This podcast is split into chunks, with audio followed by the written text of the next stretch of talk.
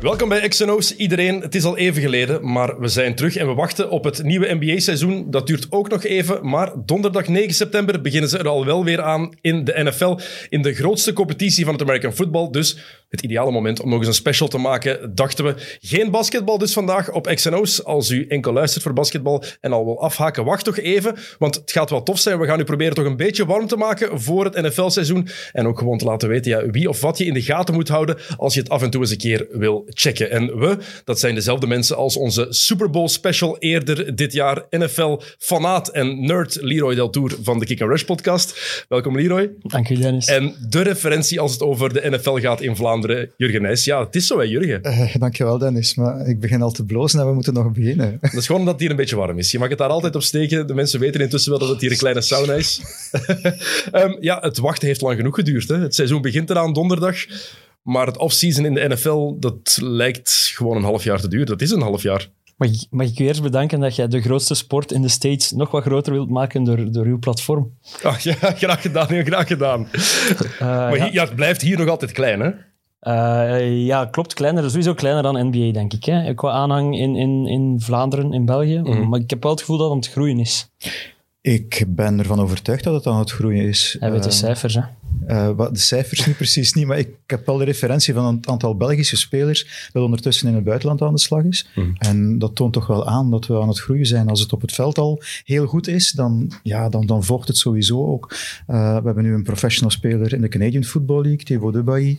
Eh, we hebben Matthijs Lazore, die bij William Mary aan de slag is. Sylvain Jonjoen, die bij Georgia Tech aan de slag is. Het zijn toch geen kleine universiteiten ook. Mhm. Dus dat toont wel dat we in de goede richting zitten en dat het hier ook aan het ontwikkelen is. Ja, maar het is ook vooral... Ik denk dat het heel moeilijk is om te beginnen kijken naar de NFL. Als je die sport niet kent, want het is, je moet het even ontdekken. Ik heb bijvoorbeeld de regels echt geleerd door Madden te spelen. Daardoor heb ik het echt leren begrijpen. Maar je moet het beginnen kijken en daarom denk ik dat het niet onhandig kan zijn om te weten... Oké, als ik dan kijk, er zijn 32 ploegen, dat is veel. Er zijn elk weekend 15 matchen, dat is veel. Soms te veel misschien voor sommige mensen.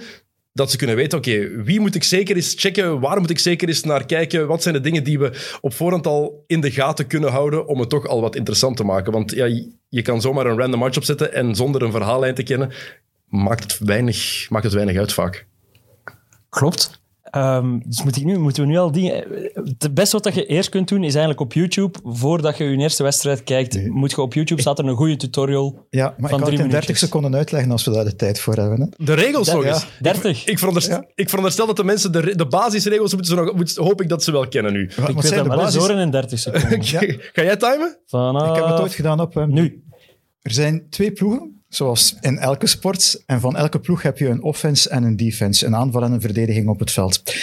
De aanval die krijgt vier pogingen om telkens 10 meter terreinwinst te boeken. Slagen ze daarin, krijgen ze opnieuw vier pogingen. En zo is het de bedoeling om aan de overkant van het veld te geraken. Daar heb je de eindzone. En als je daarin loopt met de bal of de bal vangt en onder controle hebt, scoor je een touchdown. Dat zijn zes punten. Dan heb je de kans om daar een extra punt aan toe te voegen. Als je de bal tussen de palen trapt, krijg je één punt. Eh, doe je nog eens lopen Stop. met de bal. Oké, ja, oké.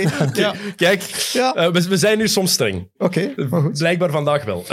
Maar het belangrijkste Ja, is de gewoon dat je basis. weet, als een ploeg, als je de aanval in de gaten houdt, dat die vier pogingen hebben om 10 meter terreinwinst te boeken. Dat de verdediging probeert om hen te stoppen en dat dan de andere ploeg de bal krijgt. Mhm. En dan komt hun offense op het veld, krijgen ze ook weer vier pogingen. En eigenlijk is het een typisch Amerikaans spel. Het is landje veroveren. Daar komt het eigenlijk Ja. op neer. En En, we heet- weten dat ze daar goed in zijn. En veel mensen zeggen ook van ja, voetbal, er wordt bijna nooit tegen de bal getrapt. Je- Het heet ook voetbal omdat het een sport is die te voet gedaan werd. Vroeger in de tijd dat de American voetbal is begonnen, was er vooral hockey bijvoorbeeld. Dingen die niet gebeurden op het land, om het zo te zeggen, al lopend. Ja, voetbal dus wel, dus daarom voetbal. Ehm, Leroy, jouw zondagen die zitten weer helemaal vol. Vanaf dit weekend tot en met februari zeker? Of ga Ja. je nu wel af en toe moeten werken voor... En Sam is al op de hoogte dat ik de maandag voormiddag altijd recup ga nemen. Vanaf nu tot, eh, ik zeg tot en met 20, fe- tot, tot en met 20 februari of zo. Zeg ik Eh, dat er, 14 februari. Ja, tot en met dan, 14 ja. februari. Tot en met Valentijn, dan kan je misschien nog iets anders doen. die. Nee, Valentijn. Nee, dat doe ik zeker niet aan mee.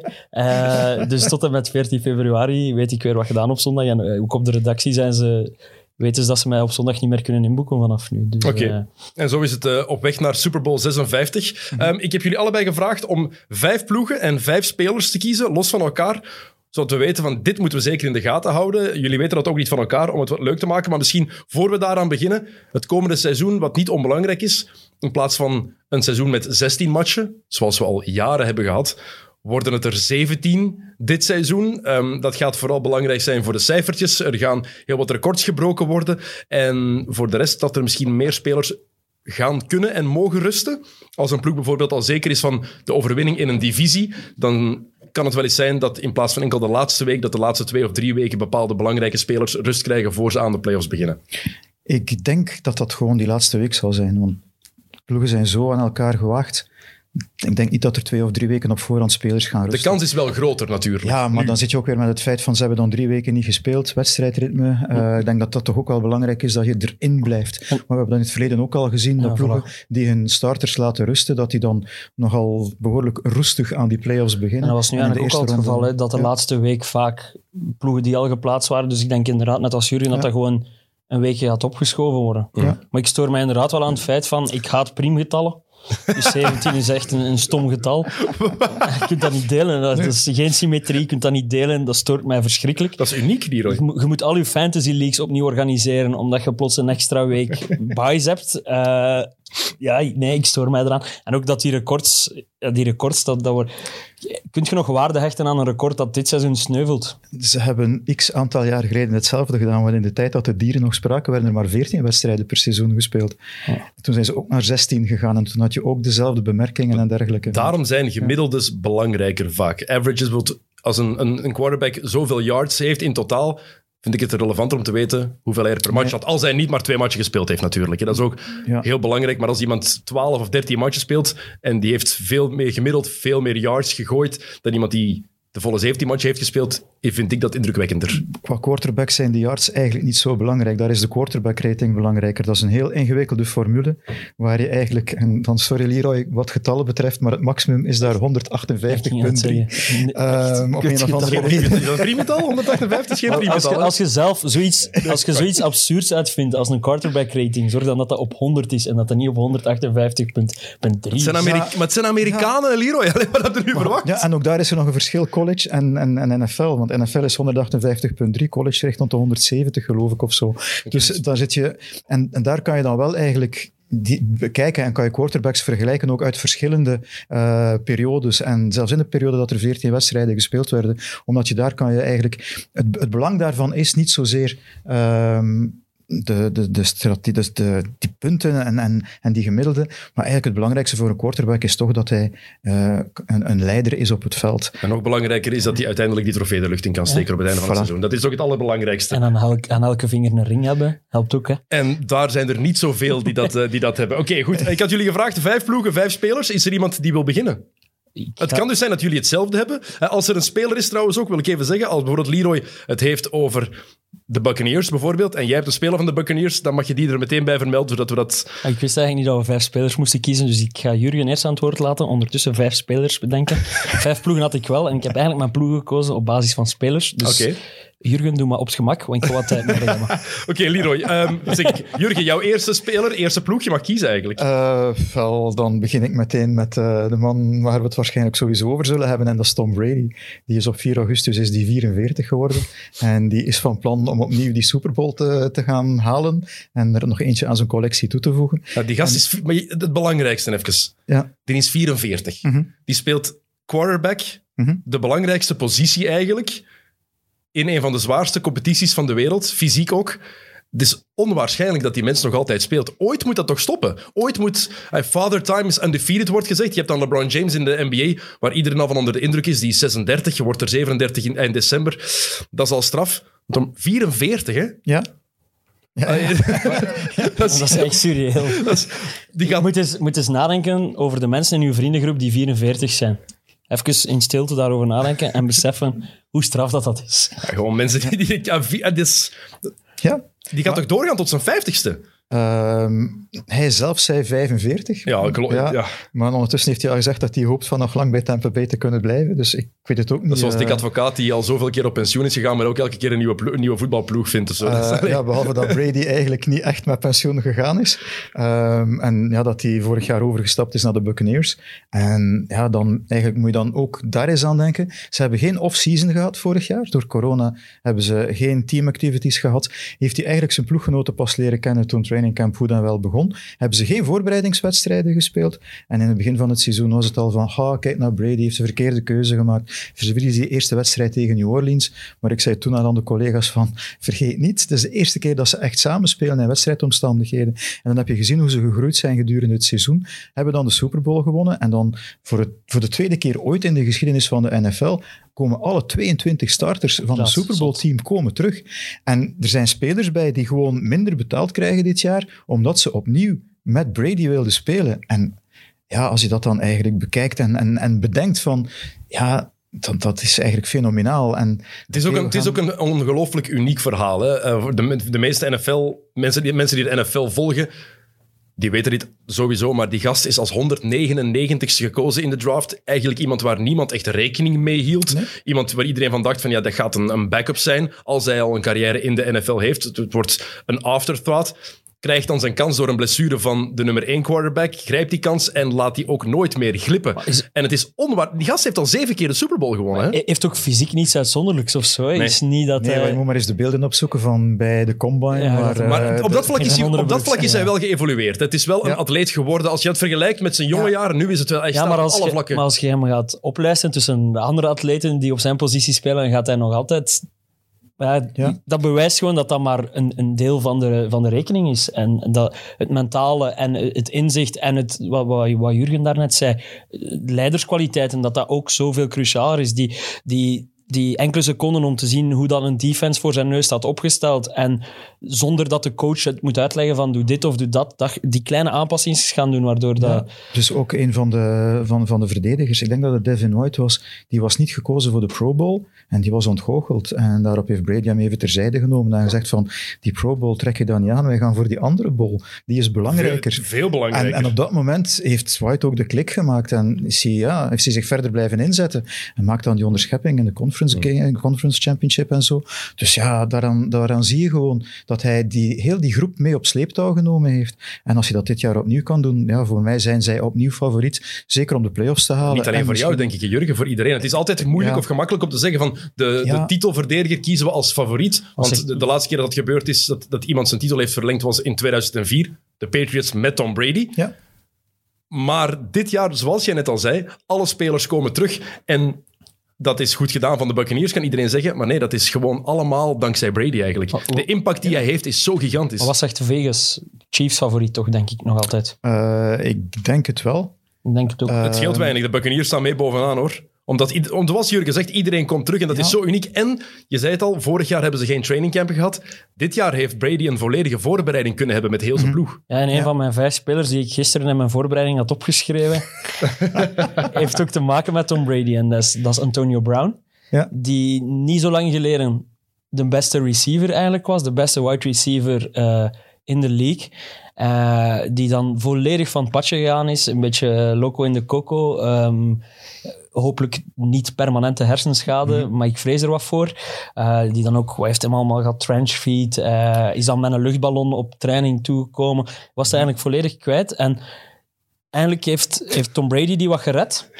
Met een luchtballon op Hij heeft training de eerste keer toegekomen. proberen te redden bij New England nog. Hè? Hij heeft, Dat, dat, ja, was- dat inderdaad. passeert zo rustig, hè? Is Ja. op een lucht, met een, in een luchtballon op training toegekomen. Doe het, kom aan. Zo vet. Dat was Ja, En dan, eh, je mag dat niet zo casual Ja, zeggen. en dan heeft hij ook te lang in een ijsbad gezeten, waardoor dat hij eigenlijk loopgravenvoet had. Dat is Ja. toch, allee, wat, eh, Daarvoor is hij speciaal naar Parijs gegaan trouwens. En, en dan, wat was het nog? Ah, dan, en de druppel die de, die de, eh, figuurlijke eh, eh, emmer deed overlopen, was eh, dat de- hij moest veranderen van helm, omdat zijn helm niet meer veilig was. Ja. En hij wou dus niet veranderen van helm, omdat, ja, omdat, ja, eh, omdat zijn hersenen om zeep zijn, denk ik. Maar komt erop neer dat hij een, een zot talent is en dat Brady, zo, zoals Jurgen zegt, al, hem ook destijds bij de Patriots, heeft proberen te redden door hem naar daar te halen. Eh, is ook bij hem blijven slapen, als ik het juist heb. Ja. En dan bij de Buccaneers hebben ze het nog eens opnieuw geprobeerd. Een, een omgeving die hem misschien iets beter ligt dan, dan het strenge New England, waar dat wel met een, een ijzeren hand geregeerd Absoluut. wordt. Ik zal het zo, ik zal het zo noemen. En die had blijkbaar, die heeft vorig jaar de- degelijk tot zeer degelijk gespeeld, maar blijkbaar had hij wel behoorlijk wat lichamelijke kwaaltjes. Is hij daaraan geopereerd geweest en zou die volgens de beatwriters, dus, dus de, de mensen die, die de ploeg in kwestie volgen, zou die wel bijna terug op zijn niveau van, van twee, drie jaar geleden zijn. Wat zou, wat zou betekenen dat, ja, dat, dat, hij, ja, dat, dat ze een belachelijk goed receiver corps Maar hebben sowieso de hele eigenlijk, ploeg. Gronkowski is daar ook nog altijd de vaste tight end eigenlijk van, van Brady. De vaste ploegmaat van vroeger bij de Patriots. En het gevoel dat ik een beetje heb, Antonio Brown inderdaad, daar valt heel veel over te zeggen. Want er zijn nog, ah, zoek die mensen maar eens op, mensen die er interesse in hebben. Want de verhalen daarover zijn soms ook fout gewoon. Dat is, dat is gewoon zo. Maar het hele Tom Brady-verhaal, toen hij bij de Patriots speelde, waren er heel veel mensen die daar een hekel aan hadden. Nog altijd, maar ik heb het gevoel dat doordat hij naar de Buccaneers is gegaan, is die perceptie al een klein beetje beginnen veranderen in het voordeel van Brady. En dan is hij naar het Witte Huis gegaan. En, Maar hij stond, bek- stond, bekend als een, stond bekend als een grote Trump-supporter Ja. of een Trump-volger. En eigenlijk heeft hij daar Trump eigenlijk gewoon belachelijk gemaakt ergens. En de Trump-volgers van ja... Sommige mensen zullen nog altijd zeggen dat mijn titel niet echt was. Een beetje zoals jouw verkiezingen, pres- meneer president. En ik denk dat hij daar ongelooflijk veel punten mee heeft gescoord. Gewoon bij, bij het volk dat vroeger zei... Fucking Tom Brady. Dat kan. En hij gaat ook nog een stap verder. Hij maakt zich nu ook heel populair bij verdedigers in de NFL. Ah, ik vond dat een hele Omdat hij deze week dus eh, gezegd heeft dat eh, veel van de penalties die tegen een defense gevlacht worden, voor die eh, harde hits en unnecessary hits, dat die eigenlijk meer de schuld zijn van de quarterback aan de andere kant, omdat hij die bal gooit waar dat hij eigenlijk zijn wide receiver in gevaar brengt. Want dat zijn dan van die passes als een wide receiver over het midden loopt op volle snelheid. Misschien even, even verduidelijken eens voor de mensen die dat niet weten. De, de scheidsrechters die fluiten op dat vlak veel strenger dan tien jaar Ja. geleden nu. En nu als verdediger, als je iemand hard raakt, dan wordt dat vaak afgevlacht letterlijk en afgestraft. Ja. Terwijl dat vroeger meer bij de sport hoorde. Om, om hersenschade en tweede Antonio Ja. Browns te vermijden. Hè. NFL heeft heel veel centen verdiend met hun, eh, hun video's vroeger die ze verkochten. Ik weet het, we gaan terug naar de hele oude tijd. Maar de hardest hits, hardest running backs. En die, werden, die verkochten als zoete broodjes. En dat waren eigenlijk al die hits die, die nu niet meer mogen. Maar als je als verdediger aankomt gelopen en... En dat is trouwens ook de reden, moet ik nog even zeggen, waarom er shoulderpads, schouderstukken gedragen worden en helmen. Omdat sommige mensen nog altijd denken dat American footballspelers mietjes zijn. Maar het is gewoon de enige sport waar je zulke harde frontale botsingen hebt. En je moet die bescherming wel dragen. En die frontale botsingen gebeuren vaak als een receiver aan volle snelheid loopt over het midden van het veld. Kijkt naar de bal die komt. En dan komt van de andere kant komt dan een verdediger aangelopen. En die verdediger die kijkt eerst, vangt hij de bal of niet? Vangt hij de bal, dan probeert hij hem zo hard mogelijk te raken dat de bal terug vrijkomt. Maar dat mag nu al niet meer hoofd vooruit. Oké, sowieso, begrijpelijk. En Vroeger was het ook al zo dat die wel bestraft werden, omdat er staat op die helm, hangt er een stickertje van eh, deze helm mag niet gebruikt worden als wapen. En dat is dus spearing. Dus dat stond er vroeger ook al op, wordt nu nog erger bestraft, begrijpelijk ook. Dat is begrijpelijk, ja. Maar nu heb je eigenlijk in een fractie van een seconde moet je als verdediger gaan beslissen van waar raak ik hem. En als de quarterback dan die bal gooit en denkt van "Goh, ik gooi hem maar en die receiver die zal wel geraakt worden door die verdediger en we krijgen een penalty en 15 yards cadeau. Ehm, ja, en, en dat is nu waar Brady tegen inkomt. Dat hij zegt van vroeger had je Ray Lewis. Mensen moeten die ook maar eens opzoeken, nummer 52 van de Baltimore Ravens. Antler, was het Deer Antler? Was, het- heeft, Ehm, heeft hij niet zoiets... Een heel rare spray is gebruikt? Waarvoor die ook bestraft is geweest? Ik denk, een ver- verkrachtingszaak heeft hij Een moordzaak. Ja, moordzaak. hij was- hij was op ja, een- inderdaad ook Ja. nog. ja, Super Bowl 33. En dat hoort ook wel wat bij de NFL, de donkere verhalen Ja, helaas. Super Bowl 33 was dat in Miami, werd hij opeens eh, verdacht, omdat er op een feestje waar hij was, eh, werd er iemand neergestoken. En hij was daar ook dus aanwezig en men heeft nooit eigenlijk echt kunnen bewijzen of kunnen zien of dat hij daar iets mee te maken had of niet. Deer de koning van de speech. Het alleszins. Deer Antler spray is het trouwens dat hij blijkbaar gebruikt Ah, had. En dat is een soort spray die je, je niet mag gebruiken, want er zit ste- steroïde in. Maar die had hij blijkbaar eh, hij wel wat gebruik van Dat gemaakt. klinkt als een product dat je gebruikt voor herten Ja, ja, aan het ja. vogelen te krijgen met elkaar of Ja. zo. Misschien is, het, misschien is het ook daarom, daarom nodig. Hè. Maar goed, om het verhaal verder af te maken. Sorry. Zo, het gaat hier soms van de hak op de tak, Jurgen. Het is al een lange Ja, dag geweest, ik Jurgen, eh, breng jullie even terug bij de les. Ehm, maar dus daar zei Brady zelf van, als ik zag dat Lewis op de loer lag, dan dacht ik geen twee keer na. Dan gooide ik de bal gewoon naar een andere receiver, gewoon naar mijn, mijn speler speler te verdedigen, terwijl dat nu met, met de nieuwe reglementen is dat niet meer het geval. Maar dus op die manier maakt hij zich ook wel populair, omdat hij het ook opneemt voor de mannen die tegenover hem staan. Terwijl hij een van de spelers is die er misschien het meest voordeel soms Ja. uithaalt. Als, als, het, als hij 20, nee, want als hij 30 jaar geleden was begonnen, dan had hij niet tot zijn 44ste gespeeld, toen hij nog veel harder gehit absoluut, mocht worden. Dus dat is inderdaad ook een voordeel. Ehm, zondag 3 oktober voor de Brady-fans is eigenlijk de dag die ze moeten omcirkelen. En dan gaat hij met Tampa Bay terug naar New England. Sunday Night Football, Ja. live op 11 Sports. heb, De jij, comeback. heb jij New England opgeschreven? Ik, Tussen heb- nu vijf ploegen. nee, Ik eigenlijk ook niet. Ik heb daar nu spijt van. Maar ik kan nog mijn speler ja, Dat is, doe maar, hè, Leroy. Als je, je, Ja, je, ja, je mag, kijk, je mag ook veranderen van de ploegen die je opgeschreven veranderen. Is hebt. dat hier zo flexibel? En Ik zo. ben heel flexibel, zolang je maar aan vijf houdt. Ik wou nog, nog één iets over Tom Brady. En dan ga ik naar Ja. mijn speler gaan. Is eh absolute volgtip op social media, Tom Brady. Mhm. Is echt... Ik zou, je moet echt geen ene American voetballer volgen, want voor de rest is dat vooral bling-bling en eh, gouden tanden en eh, de, de langste, de zwaarste kettings. Maar Tom Brady is qua humor en qua, qua, qua zelfrelativering eigenlijk eh, wel de absolute koning op social media. En dan de brug naar mijn speler eh, is eh, dan Mac Jones. Mhm. Eh, dat is de nieuwe quarterback eh, van de New England Patriots.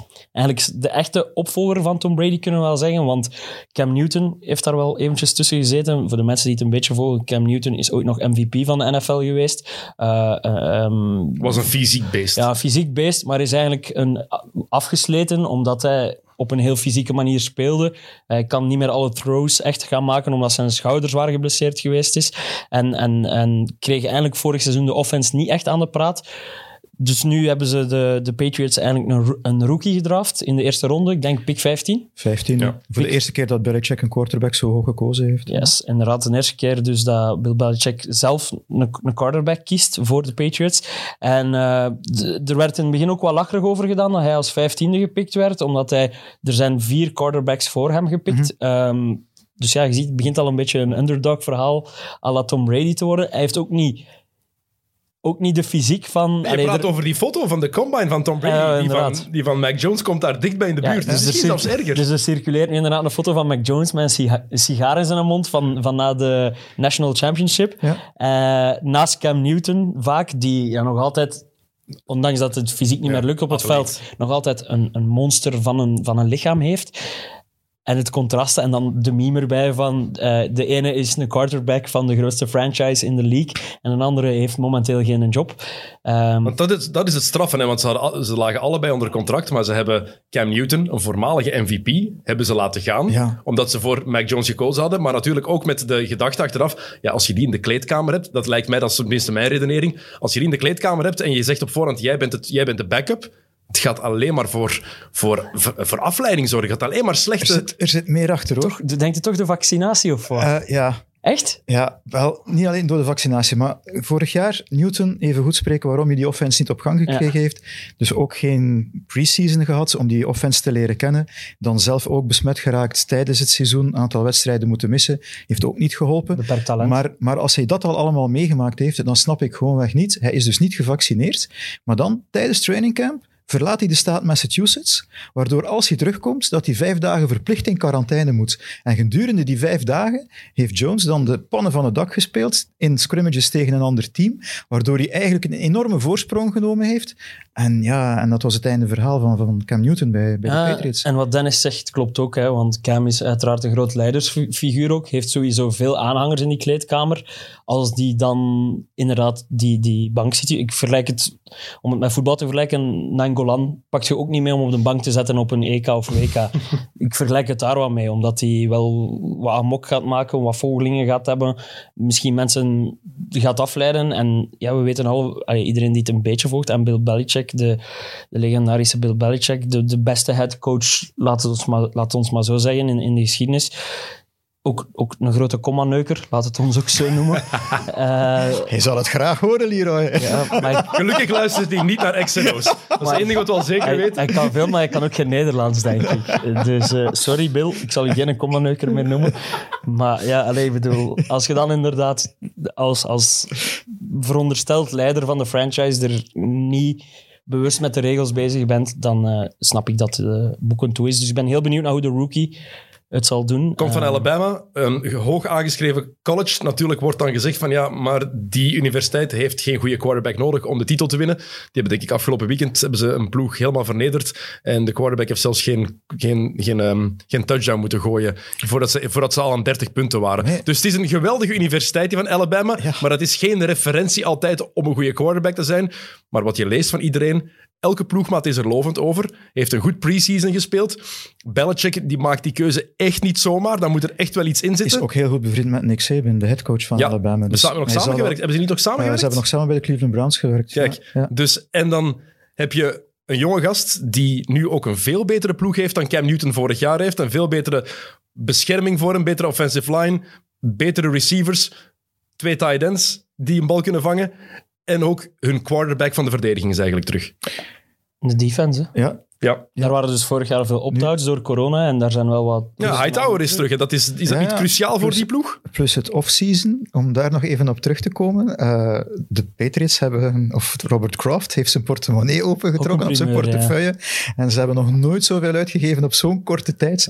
Dus eh, ze voelen echt wel aan dat er iets moet gedaan worden en dat een seizoen zoals vorig jaar, dat dat niet herhaald mag worden. Patriots zijn een ploeg om de playoffs te halen dit jaar, sowieso.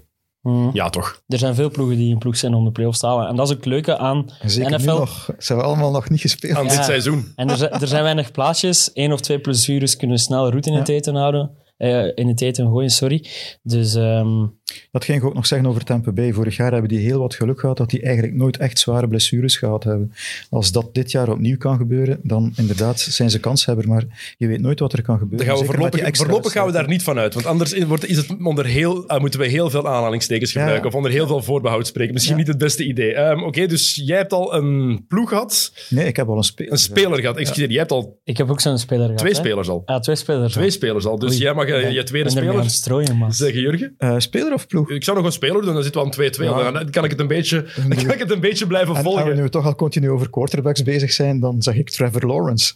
Ehm, dus eh, gekozen als eerste in de draft door de Jacksonville Jaguars.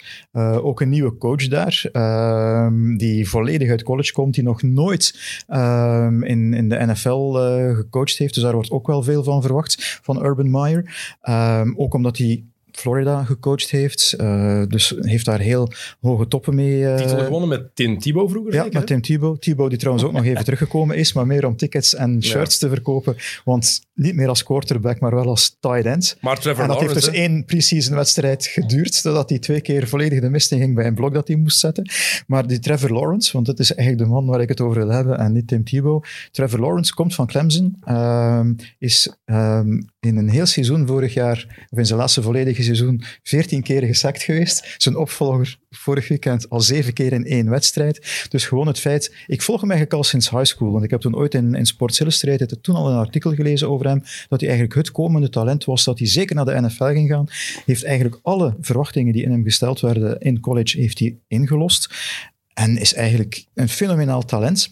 Alleen zit hij nu bij Jacksonville, waar hij met een offensive line zit, waar ik voor vrees dat hij een beetje zoals eh, Joe Burrow vorig jaar bij Cincinnati zal Ja, moeten Joe Burrow was de eerste leven. pick vorig jaar, Ja. ook, ook een quarterback. Ja. Want er is een geweldige lichting die er nu is aangekomen en die zich gaat beginnen profileren de komende jaren. En Mhm. Ja. Trevor Lawrence wordt gezien als een van de absolute grote talenten. Ja. Je zegt het al, Jacksonville is geen geweldige ploeg.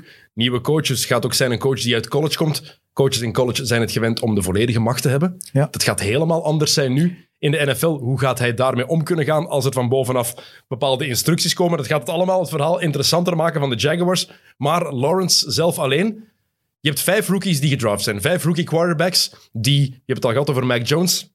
Er zijn er vijf die interessant zijn om op voorhand al in de gaten te houden. Waar iedereen van denkt, die kunnen alle vijf wel eens heel goed zijn. Ja, Is Lawrence ook effectief de beste? Op voor, eh, puur individueel, los van de ploeg. Als je echt kijkt naar individueel talent. Is Is hij ook effectief de beste van de ja, vijf? Ja, ja, volgens mij wel. Waarom? Gewoon omdat hij nu al tijdens de wedstrijden bij Clemson, waar ze toch ook niet tegen Janneke en Mieke meegespeeld hebben, en ook telkens de play-offs gehaald hebben, dat hij daar eigenlijk al getoond heeft dat hij echt wel die verdedigingen kan lezen die tegenover hem staat. En dat hij daar ook van zijn, van zijn headcoach daar eigenlijk ook de, het beslissingsrecht kreeg van eventueel een play aan te passen op de line of scrimmage, wat niet iedereen gegeven is, zelfs niet in de NFL nog. Ehm, als hij dat daar al mocht doen, Ehm, hij heeft ook bewezen tijdens het trainingcamp dat hij echt wel weet waar hij mee bezig is. En dat hij tijdens de, de, de speelmomenten die hij gekregen heeft in het preseason, dat hij daar eigenlijk ook wel toonde wat hij kon. Eh, ook tegen first team defenses van de, van, van de tegenpartij. Dus die ook met hun starters op het veld Mhm. stonden voor het seizoen. Dat hij daar echt wel getoond heeft dat hij uit het goede hout Dat het gesneden een goede referentie is Ja. ook. Het En ziet, wat er, ook- het ziet er fantastisch uit ook. Wat, wat ik gezien heb in de preseason Mhm. is het, het, het, je ziet, je moet er zelf niet heel veel van kennen om te zien van wat hij doet is oogstrelend en Ja, de manier waarop hij gooit is, is Zolang hij die helm ophaal, ophoudt, is Ah, het dat ook is waar. strelend. Dat haar, met alle respect, Lero, Ja. jij bent blijkbaar een haarspecialist geworden ook, heb ik een keer Rush gehoord. Dus jij mag je daarover uitspreken. En wat het leuk maakt natuurlijk ook, je hebt Mac Jones al vernoemd, nu Trevor Lawrence. Vaak spelers die, quarterbacks die gedraft worden in hun eerste jaar, in hun rookiejaar, vaak beginnen ze als backup. Dus ze krijgen niet altijd meteen die ploeg helemaal in handen. Dit zijn twee jongens, Mac Jones en Trevor Lawrence, waar je van weet, die gaan onmiddellijk starten. Alle matchen, als zij fit blijven, gaan ze alle matchen dan spelen. stel je gewoon de vraag, waarom zou je een quarterback als eerste kiezen in de draft om hem dan Ook waar. nog een jaar te laten op de bank grijpen. Neem nu Mahomes, dat is dan weer, misschien wel Leroy zou zeggen van die heeft wel een jaar achter Alex Smith op de bank gezeten, maar die is als tiende gekozen en die kwam uit Texas Tech. Eh, eigenlijk met een offense van Cliff Kingsbury, die nu de headcoach is van de Cardinals, maar eigenlijk met een offense waar continu gegooid werd. Dus die had nooit echt defenses leren lezen. En dan is het effectief aan te raden, als je je talent en je investering wat wil beschermen, dat je die een jaartje laat rijden. eigenlijk was hij nog geen kant-en-klare quarterback. Die had het talent. Nee, Terwijl Lawrence is inderdaad, dat is dan een quarterback. Ja. Nu, over Zach Wilson van de Jets wordt ook wel gezegd, ja, die heeft eigenlijk ook nog niet zo heel veel gespeeld. Misschien is hij ook nog niet klaar.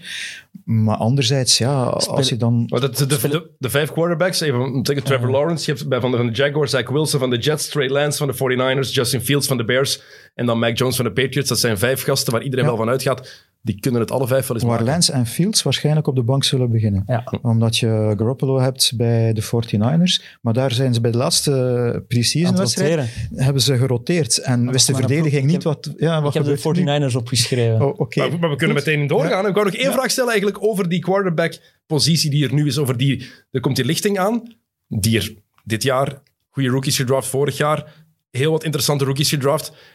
Is dit ongeziene weelde of is dat in jouw zoiets van nee, dit is eigenlijk heel normaal dat we dit, dat, dit komt vaak genoeg voor dat er zoveel kwaliteit is op die positie, op de belangrijkste positie toch wel van de NFL.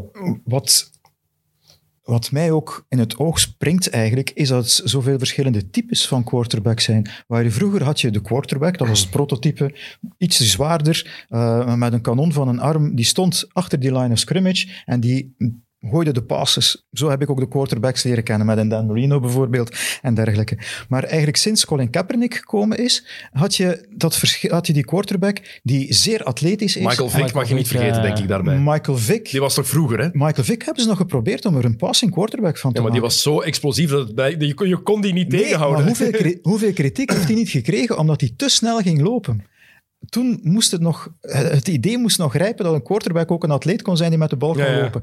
Maar sinds Kaepernick, dan heb je RG3. eh, Lamar Jackson, eh, RG3, ehm, dan eh, Lamar Jackson, Mahomes. Dat zijn allemaal types quarterback die je vroeger niet had in de NFL. En dat komt ook omdat op college niveau zijn ze ook aan het evolueren. En NFL hangt sowieso af van het talent dat van daaruit komt.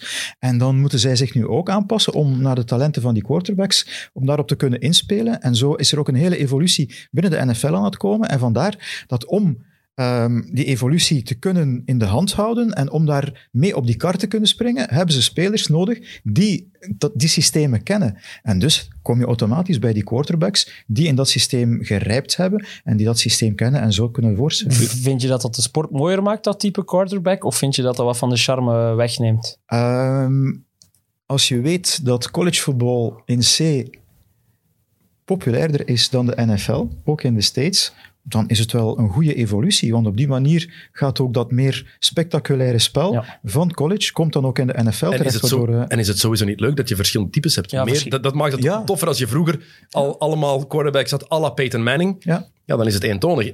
Wat je zegt, je- er zijn heel veel verschillende soorten eh, quarterbacks. Dat maakt het leuk, voor mij toch leuker om te zien. Om dan, zeker als je de sport niet elke week, als je niet elke week een drie matchen bekijkt. Als je dan van de quarterback-positie alleen al zo'n heel groot verschil in speelstijl ziet, Mhm. dan is het extra leuk om bepaalde andere ploegen zo te, te ontdekken en te, te leren ontleden, vind ik. Ja, ik, ik heb bijvoorbeeld bij Lamar ik vind het moeilijk om naar Lamar Jackson zijn wedstrijden te kijken. Omdat de- daar, ik, ik vind een lange pas vind ik het mooiste wat er is in NFL.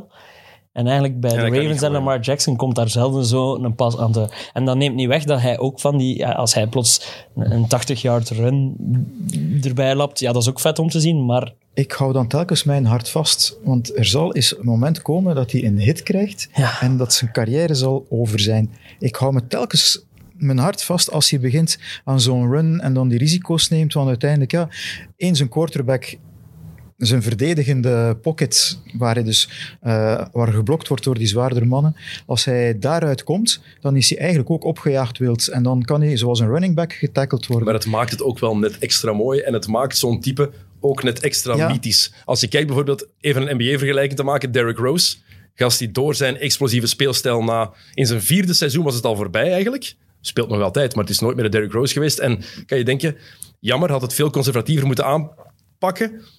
Maar die eerste vier jaar had ik nooit willen missen. Ja, maar dat is Dus dat is- dat is een beetje de romantische- RG3, Ja, ja. RG3 bij, bij Ja. Washington was hetzelfde verhaal. Maar je moet, je moet Leroy niet depressief maken, Jurgen. We, zijn, we hebben nog even tijd nodig. Als we over Washington en RG3 gaan beginnen, dan gaat hij, dan gaat hij, beginnen, dan gaat hij beginnen wenen, denk ik. Ja. Ik heb Washington niet als een van mijn teams, staat ook niet bij een van mijn spelers, maar let op voor Washington en let op voor heel die NFC East. Maar geef, dat is- hem nu, geef dat nu ook geen hoop, hè? Nee, maar dat is zo... Ik denk dat er erg nee, is. Maar ja, vorig jaar, wegnemen of- vorig jaar waren ze wel kampioen in de NFC East. Ja, het was wel lelijk mat. Ja, oké, lelijk, maar ze waren wel ze waren op het bal. Hè. Ze waren bij Voor de, mensen, voor de mensen die het niet weten, Leroy is dus naast Chelsea-supporter ook een Washington Football Club supporter. Sorry, dat die, dat die, dat die ploeg, Voetbalteam, hè, dat die ploeg nog altijd geen nieuwe, geen nieuwe nickname heeft. En de helms zijn ook vet, kijk. Ja, kom, kom eens gewoon met een nieuwe naam. Washington Football Team. Hoe de- saai kan de je keuzes zijn? zijn nu beperkt. Er is een shortlist van drie namen. Ja, maar hoe lang kan je wachten? jaar- Maar moet er, moet, er goed, moet er bonk op zijn. Kom, zeg alsjeblieft. Ja, ik heb wel wat namen al zien passeren waar ik wel wat bang voor ben. Zo. Zoals? Uh, maar het populairste is denk ik nu online, is, is Washington Red Wolves. Is nu is wel populair Waarom? online. Dat weet ik niet, maar gewoon omdat dat dan nog met de R be- begint en dat je dan in het rood kunt blijven spelen. Eh, je hebt ook Washington Red Tails, heb ik ook zien passeren, maar dat is, dat is, in het Amerikaans betekent dat eigenlijk zo wat rode lantaarn ook, dus dat je eigenlijk een loser bent. Maar dat Nee, komt wel Red, van... De Red Tails? Maar dat komt, ja, maar dat komt, Nee. van, dat komt van die legerafdeling. Ja, de Tweede. Wereldoorlog, die piloten, dat was, dat was een, een, een fighter squadron eh, die in Italië gelegerd waren in de Tweede Goeie Wereldoorlog, die de goeie moesten begeleiden. En dat waren allemaal Afro-Amerikanen, dus vandaar. Ja, dus die schilderen inderdaad hun staart van ik vliegtuig groot. Ja. Ja. maar dat, blijkbaar heeft dat dus ook... Daarnaast heeft dat ook een, een, een negatieve connotatie waarmee kan gelachen worden. Eh, ik, ik zit nog niet super ver in de semantiek van, het- van het Engels, dus daar, daar ben ik nog geen pro in.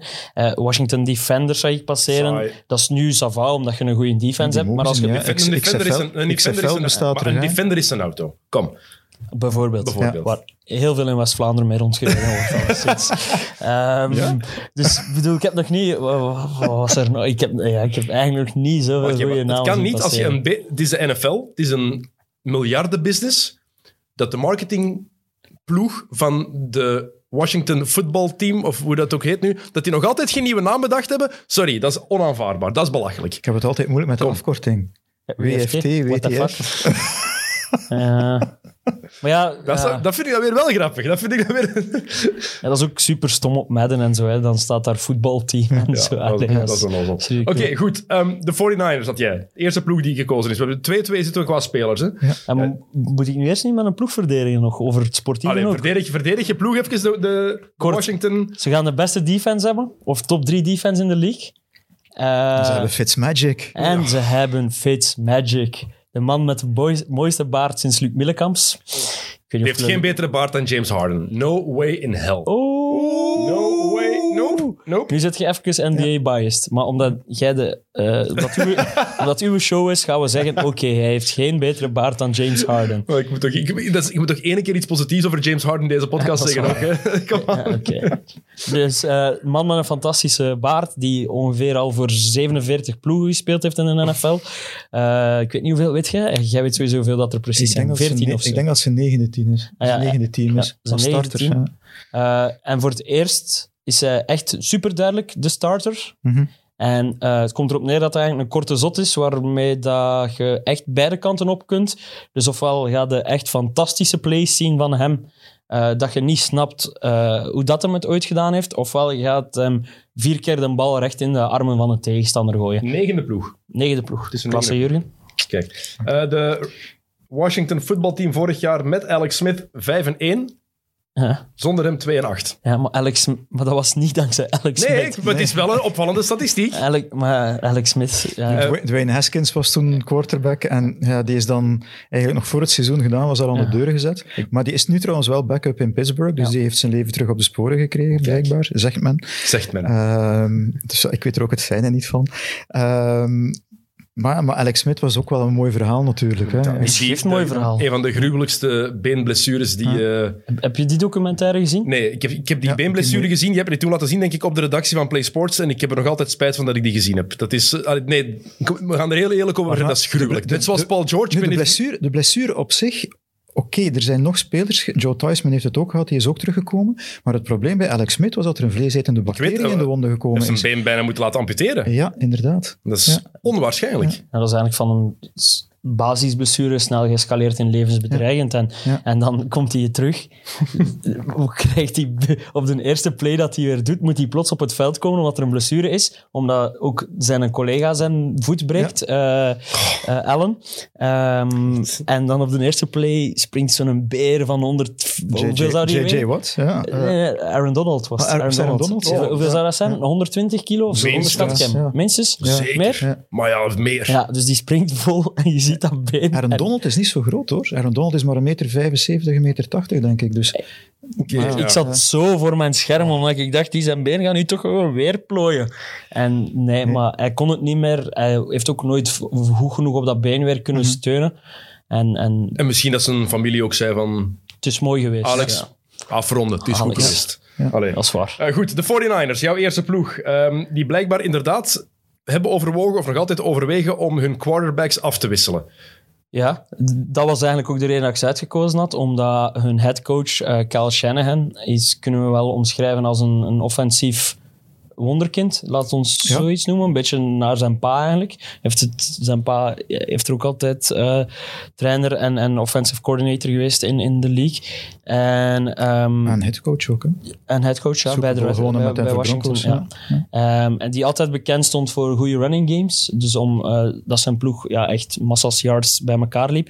En die hebben nu eigenlijk heel agressief geweest in het offseason. eh zich naar boven getrade ehm, om een quarterback te kunnen kiezen. Dus dat brengt ons weer terug bij een van de namen die we daarnet al genoemd hebben. Trey Lance eh, als derde pick. Eh, de 49ers twee jaar geleden nog de Super Bowl gehaald. Eh, dan vorig jaar gewoon superveel pech gehad met blessures. Dus eigenlijk staat daar...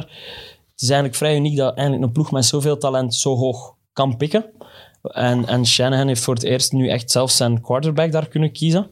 En, en Lance is, is, is een voorbeeld van wat van Jurgen daarnet ook al aanhaalde. Een soort van dual threat, die zowel kan lopen, ja, die fysiek een monster is, maar die ook goed kan gooien. Hij is wel meer van het kaliber Mahomes, in die zin dat hij nog, nog een ruwe diamant is Ja. die moet geslepen worden. Dat is ook wat ik inderdaad gelezen had, vooral dat hij, en gehoord had, dat hij inderdaad nog wat tijd nodig heeft om... Hij komt ook van een, een lagere divisie dan de top. Hè. Bij Ja, dus South, die- South Dakota State, geloof ik. hè, Ja, hij dat heeft hij- nooit... Opvolger van Carson Wentz trouwens. Maar de, de discussie, ik vind de discussie daarop wel Is grappig. hij niet Bison of zo?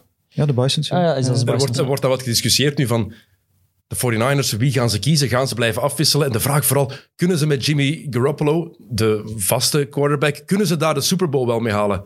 Ja, ze hebben het gedaan, Ja. twee seizoenen terug. Maar was dat deels Ja, nee, maar nee, oké, maar het, het feit blijft, ze hebben de Super Bowl gehaald Ja. met Jimmy Garoppolo als de eerste quarterback. Dus ik vind het een rare vraag dan. Kunnen ze hem halen? Ja, ze hebben het al gedaan. Maar kunnen ze het opnieuw halen, is de Dat is iets hè? anders. Dat is een andere vraag. Dat is iets anders, maar ze kunnen het. Ehm, ja, interessant. Gaan ze dat, gaat hij dat durven, gaat hij dat effectief doen? Gaat hij afwisselen in wedstrijden van quarterback? Het is eigenlijk vergelijkbaar, als, om een voetbalvergelijking te maken, met dat je Niet vergelijkbaar. in de 50ste minuut van keeper wisselt. Ja, zoiets. Bijvoorbeeld? Voor penalties. Nee, maar hij- Shanahan is een vernieuwer. En hij is niet de enige die het doet. Hè. Kijk naar New Orleans vorig seizoen met Drew Brees. Aan het einde van zijn Latijn. Maar het was daarom vooral. Die mensen kon niet meer, die kon niet meer gaan. Nee, maar het seizoen ervoor met Taysom Hill deden ze het ook al. Ja. Ehm, dus in bepaalde situaties breng je dan Taysom Hill op, die, die sneller is, die een, misschien wel een sterkere arm heeft op dat moment dan Brees. En dan doe je, de, doe je het ook, laat je ook de, de verdediging ehm, ja, gissen van wat zal er komen. Ehm maar Shanahan ik zie hem wel aan om, om waar het bij New Orleans sporadisch gebeurde, zie ik het bij San Francisco wel op een ja, meer gestructureerde en, en, en, en, en, er- en, en meer gebeuren. Dat wil zeggen, als er één headcoach is die het zou doen, zit hij ja. bij de drie Ja. sowieso. Bij de drie Ja. genomineerden. Maar als je kijkt naar de geschiedenis van ploegen die dat effectief gedaan hebben, van quarterback switchen tijdens wedstrijden, het is geen goede track record. Hè. Het is. Is, is dat ooit systematisch Is gedaan ooit geweest? systematisch af en toe blijkbaar, af en toe is het blijkbaar gebeurd. De laatste keer dat een ploeg het effectief vaak deed, was 10, 15 jaar geleden. Als ik mijn bronnen, weet niet meer waar ik het, ik heb heel veel podcasts Was het geluisterd. op café in Antwerpen? Was het op café in Antwerpen? Nee, nee, nee, Leroy. Anders zou ik je bronnen in twijfel getrokken hebben. Op café in Antwerpen praat ik niet over de NFL. Nee, Nee, niet echt. Er zijn te weinig wel. mensen die daar mee over kunnen praten. Hè? maar ik ga nooit op café in Antwerpen. Nou, dus- nee. En, enkel op hotel. Ja, En voilà. Eh, nog iets wat je moet zeggen over de 49ers? Eh, nee. Of gaan we naar de eerste ploeg van Jurgen? Eh, de- eh, doe maar, Jurgen. Oké. Ehm, ik denk dat ik ze al even aangehaald heb, New Orleans. Ja, net, ja. Ehm, Heb ik ook als ploeg genoteerd. Gewoon door het feit dat je na het vertrek van, van Drew Brees zat je daar in dit preseason met ja, de, het, het quarterbackgevecht tussen uh, Jameis Winston, gewezen Tampa Bay Buccaneer, maar daar de deur gewezen omdat hij daar op één seizoen Voormalige nummer 1 draftpick. ook al. eh, en en daar 30, 30 onderscheppingen wist te gooien. Ondertussen heeft hij LASIK surgery gehad. Ja, dus eh, om beter, om beter downfield te kunnen zien. Eh, en hij heeft het dus gehaald van Taysom Hill. Die dacht van, ik word hier de opvolger, want ik zit al langer in het systeem. Ehm, en ik heb ook het contract gekregen om te blijven. Ehm, maar blijkbaar is het nu toch Winston die, die quarterback zal zijn. En dan vraag ik me af wat er zal gebeuren. Want Michael Thomas is er ook niet bij, want dat was ook een heel verhaal. Aan de, aan de enkel geblesseerd en dan te vroeg opnieuw begonnen. Twee jaar geleden de, de man die het record met meeste, ja, met meeste catches in het seizoen. Dus. Ehm, en dan nu gaat hij een deel van het seizoen missen, omdat hij moet recupereren van die enkelblessure. Hij heeft zich laat laten opereren. heeft eigenlijk Ja. een beetje gedaan wat Shaquille O'Neal begin jaren 2000 gedaan heeft. Ze- O'Neal zei toen, I got injured on company time. I'm gonna get treated on company time. Ja. Wat natuurlijk dikke bullshit is als profsporter, maar company time is 12 maanden aan een stuk, Ja. vind ik, als je zoveel verdient. Maar. Michael Thomas is wat de Antonio Brown-route aan het opgaan. Ah, ja, ja, Ja. oké. Oké. Maar, maar dus daar, ja, vorige jaren eigenlijk, ja, de, de grote uitdager ook, want ze dachten Breeze die gaat nog de Super Bowl halen. Eh, heeft de Super Bowl ook gewonnen met eh, Sean Payton als headcoach trouwens. Ehm, maar hoe het nu verder moet, ze hebben ook weer nog een heel goede verdediging eh, met, met Cameron Jordan. Ze kunnen niet in New Orleans spelen. Niet Juist. onbelangrijk. Voorlopig niet. Voor- ja, oké, maar je weet niet hoe lang het gaat duren, hè, Jurgen. Nee, nee, Je bent, ik- Ik heb gehoord, pas op Halloween zouden ze terug in... Ja, maar ze hebben ook maar twee thuiswedstrijden tot ja, dan. inderdaad, dat gaat. Ehm, Wanneer, dat was Maar ik ja, ga- 31 ik- ik- oktober. ja. Dan vind ik altijd voor, moeilijk om met zekerheid te zeggen. Je weet nooit hoe dat het daar ook effectief gaat blijven evolueren als je die toestanden gezien hebt in New Orleans. Nee, klopt. Nou, het was eh, opnieuw vreselijk. Opnieuw die stad die geteisterd wordt Ja. door zoiets. Maar dat kan ook wel eens een impact hebben. Ze moeten in Ze Jacksonville spelen dan Ze zeker. moeten hè? in Jacksonville spelen. Ja. Toen ze vorige keer de Super Bowl wonnen, was dat het jaar na Katrina. Ja. Dus toen ze eindelijk terug in het stadion mochten. Ja. Dus ja, oké. Want dat is, ja, dat was, het is toen dat Drew Brees eigenlijk ook beslist heeft om naar New Orleans te gaan. Ja. Eh, met Sean Payton dan, die dan de nieuwe headcoach was daar. En dan eh, de, de eerste wedstrijd terug in eh, de Superdome ehm, was dan tegen de Falcons met een geblokte punt. Ja, ja, mirakel, een ja, beetje. Ja, en dat standbeeld, dat standbeeld staat trouwens buiten het stadion als, die, ook. als je die het stadion toen Gek. hoorde, werd compleet Kippenvel. gek. Door Ja. gewoon een touchdown in een Kippenvel. wedstrijd in het reguliere seizoen Ja. in het eerste kwart. Ja. Kippenvel. En dat is ongelooflijk straf. Ja. Ja, interessante ploeg om in de gaten te houden, steeds Ik inderdaad. denk het wel, want Ja. daar weet je niet welke kant het zal Vooral gaan. ook omdat je niet weet wat je gaat krijgen met, Winston, eh, met eh, James Winston. Omdat Nee. hij de ene keer kan die vijf touchdowns gooien, maar hij kan dan vijf touchdowns gooien en ook vijf keer de bal aan de tegenstander gewoon Ja. geven. dat is Fitzpatrick zijn, zijn, zijn even, even, ja. Ja. Alleen met iets meer initieel talent misschien. Ja, dat wel, denk Ja. ik. Was een, was een number one pick. Ja, ja, hè, ja, ja. James. Ja, ja. Maar ik zeg, wat Jurgen daarnet zei, die is geopereerd aan zijn ogen. Die zag geen kleuten tot nu. Dat is wel handig, toch? Een quarterback die, kan die, zien. Die, die, De quarterback kan ook een bril dragen, hè? Ja, maar dat deed hem dus niet. Ja, belachelijk, hè? Ja. Dus die gaat zot zijn dit jaar. Goed, ehm, Dat Hij zit in dezelfde divisie van de Buccaneers. dus dat zijn ook twee wedstrijden waar we naar uit kunnen kijken. iedereen al twee spelers en één ploeg. Ehm, tweede ploeg, Leroy, Jurgen? Ik heb al twee ploegen gedaan, hè. Heb je al twee ploegen gedaan? Ja, ja, ja. Ik denk dat we ons lijstje moeten beperken naar drie. Heb je al twee ons ploegen lijstje naar drie moeten beperken. Maar ik heb al Washington en 49ers gedaan. Klopt. Dus- Nou, Washington is juist. Ja. Zeg maar, Jurgen. Dan ga ik nu nog eens voor Miami. Hè? Ah, ja, oké. Eh, ja, Jouw ploeg, als- want, ja, eh, als fan moet je ervoor gaan. Ehm, en dan, dan denk ik, ja, eigenlijk vorig jaar nipt die play-offs niet gehaald. Ehm, maar ja, ze waren er niet klaar voor. Als je de laatste wedstrijd van het seizoen met de defense die het minste punten toegelaten heeft gemiddeld, daar zijn we weer per wedstrijd. Als je dan tegen Buffalo speelt en je krijgt 56 punten om de oren, dan ben je er niet klaar voor. Maar waarom moeten de mensen dan dit jaar wel naar Miami kijken? Wat maakt de Dolphins dit jaar interessant? Omdat ze er dit jaar wel klaar voor zijn. Uh, Toga Vailoa, de quarterback ook van Alabama, heeft nu een seizoen de kans gehad om deels te spelen, deels te kijken hoe het moet. Uh, heeft een nieuw wapen in een gewezen ploeggenoot van hem, Jaden Waddle, uh, wide receiver. Ook die, een rookie. Ook een rookie, Ja. uh, die dus ook vrij explosief um, uit, uit, uit, de startblokken kan komen en waarvan je niet weet van welke kant gaat hij uitlopen. Um, dus die is er ook bij. Die verdediging is er nog steeds. Op special teams zijn ze ook heel sterk. Ze hebben met Brian Flores ook een headcoach die in stijgende lijn aan het werken is, uh, die iedereen mee heeft in het verhaal. Uh, misschien dat hij een diploma heeft om, als leerkracht, zal daar misschien wel iets mee te maken hebben. Het is ook een jong team, um, is ook niet te beroerd om beslissingen te nemen, zoals we vorig jaar gezien hebben met die quarterback-situatie. Haalt Fitzpatrick eruit, gooit Tonga Vailoa erin. Uh, het gaat niet met Tua Vailoa. Mooi dat je die Tonga achternaam blijft zeggen. Ja? Ja, ik zou altijd Tua zeggen. Dat is veel, veel Ja, gemakkelijker. Het is mooi. Het is mooi. hè? Ja, ja oké. Als, als een klein beetje stoeven. Hè. Ja, eigenlijk wel. Dat was altijd, dat was als, altijd com- als je de commentator zet in België, dat was Antetokounmpo altijd zeggen in plaats van Janis. Ja, voilà, Doet jij dat niet? Jawel, toch? Ik zeg altijd Janis. Maar Oké. echt. Ja, Maar heeft moet er zijn, hè, Dennis. Ja, hij, hij was er dus niet te beroerd voor om Tua uit een wedstrijd te halen, Fitzpatrick er terug in te gooien. Ehm, dus daar toont hij dat hij wel degelijk weet waar hij naartoe wil, wat de bedoeling is. Eh zijn ook enorm versterkt met de draftkeuzes die ze gehad hebben. Disclaimer geven dat hij een supporter is van die Maar ik wou net vragen, maar ik ga het aan Leroy vragen. Want dat is de vraag die de ronde doet over de Dolphins. hè. Is Tua goed genoeg? Is die effectief goed genoeg? Jij gaat misschien ja willen zeggen, omdat je het ook hoopt. Ik ga zeggen, ik, we kunnen het pas na dit seizoen zeggen, maar Miami heeft er alles aan gedaan om na dit seizoen te weten of dat hij het antwoord is of niet, door hem voldoende te omringen met talent. En ze hebben massa's draftkapitaal volgend jaar. En vandaar ook eh, dat gerucht wel eh, boven Miami hangt dat ze voor Deshaun Watson zouden treden. Wat ook weer een super lang verhaal wordt als we het over Deshaun Watson moeten hebben.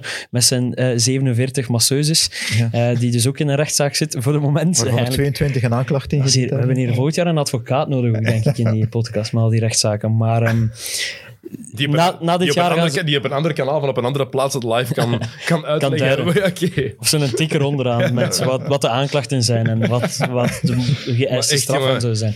NFL-spelers dat is echt zoveel erger dan, dan voetballers en basketters, heb ik de indruk nog. En dus, Som- Sommige. Ja, en dus na meer dit- verhalen. Dus na dit seizoen gaan, we, gaan ze het weten in Miami of dat hij de lange, het lange termijn antwoord is of niet. Maar op dit moment, ja, als jullie denken, wat we nu weten, wat we gezien hebben al van hem, is hij het antwoord op de Ja. quarterback voor Miami? Jij zegt ja? Volmondig. Oké. De tweede... Nu, ik heb dus de, de derde pre-season wedstrijd gedaan, dus eh, Miami tegen Cincinnati. En bij Miami stonden eigenlijk enkel de third en de fourth stringers, dus de derde en de vierde keuzespelers op het veld, gewoon om zich te bewijzen de ploeg te halen. En dat konden ze gewoon doen, omdat in die eerste twee wedstrijden hadden de starters zoveel gespeeld en bewezen dat ze klaar waren.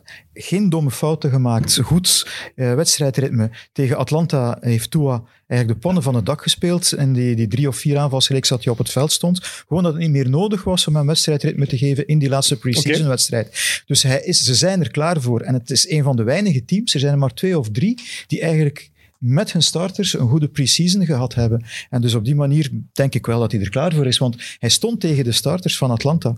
Nu moet ik opletten wat ik zeg. Ik weet niet of er veel Atlanta Falcons fans zijn hier in, eh in Dat zal, Vlaanderen. het zal allemaal wat meevallen. Het is, natuurlijk tegen, het is natuurlijk wel tegen wie je speelt, maar toch, het waren de starters. Het zijn Ja. toch ook wel mensen waarvan je verwacht dat ze een goed seizoen zullen neerzetten. Mooi betoog. Ja. Eh, Liro, jij mag gewoon ja of nee zeggen. Over Tua- nog is het- altijd. Ja, gewoon, ik heb, van, ja, ik heb van jou nog niet gehoord. Is hij het antwoord ja of nee op Ik de zeg ook quarterback? ja. Oké, goed. Zegt ja. Dankjewel. Eh, Anders, anders gaat Jurgen Boos kijken. Ehm, Jongens, dat zijn schapen wie het koude en wie het semi-warme krijgt. het is mijn podcast, ik krijg het koude. Dat is een mooie... Gastvrijheid op zijn Antwerps. Het spijt me, Leroy. Eh, in mag- West-Vlaanderen geven wij aan de gasten altijd het beste. Ja, kijk, als, als, als Jurgen een pintje had gewild, had ik hem een koude pintje gegeven. Nee, dankjewel. Maar kijk, Moet, moet jij nog wat water hebben? Jurgen? Ik heb nog water, dankjewel. Oké. Leroy. dat is, dat is, wel, dat is mooi, dat is heel attent. Ja. Ehm, dat was jouw tweede ploeg, denk ik, die we nu... Eh, ja. De tweede ploeg. Ik probeer een beetje te volgen. Oké, we gaan nog, sowieso nog de derde ploeg eerst doen. Ik zal eh, de Green Bay Packers zeggen hè, dan. Ah, dat is mooi. Die had ik ook staan trouwens. Vind ik mooi. De enige ploeg met een Belgische link. Ja. Want Lambo, Lambeau Field, Lambeau Field, Lambeau, de vader van Lambeau was een Belg. Palam. Eh Lambeau is in Charleroi geboren. Dus de... Is de- als kind naar Ginder uh, Oké, voilà, maar ja, het is Amerikaan geworden, hè. Waarom zouden we Ja. ooit wegtrekken uit Charleroi? Allee. Als je naar Spiro kan gaan kijken. waarom, zou, waarom, zou je, waarom zou je daar weggaan? Ehm, ja, de Packers. Ja, dan veronderstel ik dat het gewoon ge- gelinkt is aan het feit... Ja, het laatste jaar Aaron Rodgers. Ik weet niet zeker of het zijn laatste jaar is, maar het is dus een, een heel turbulent offseason geweest in Green Bay.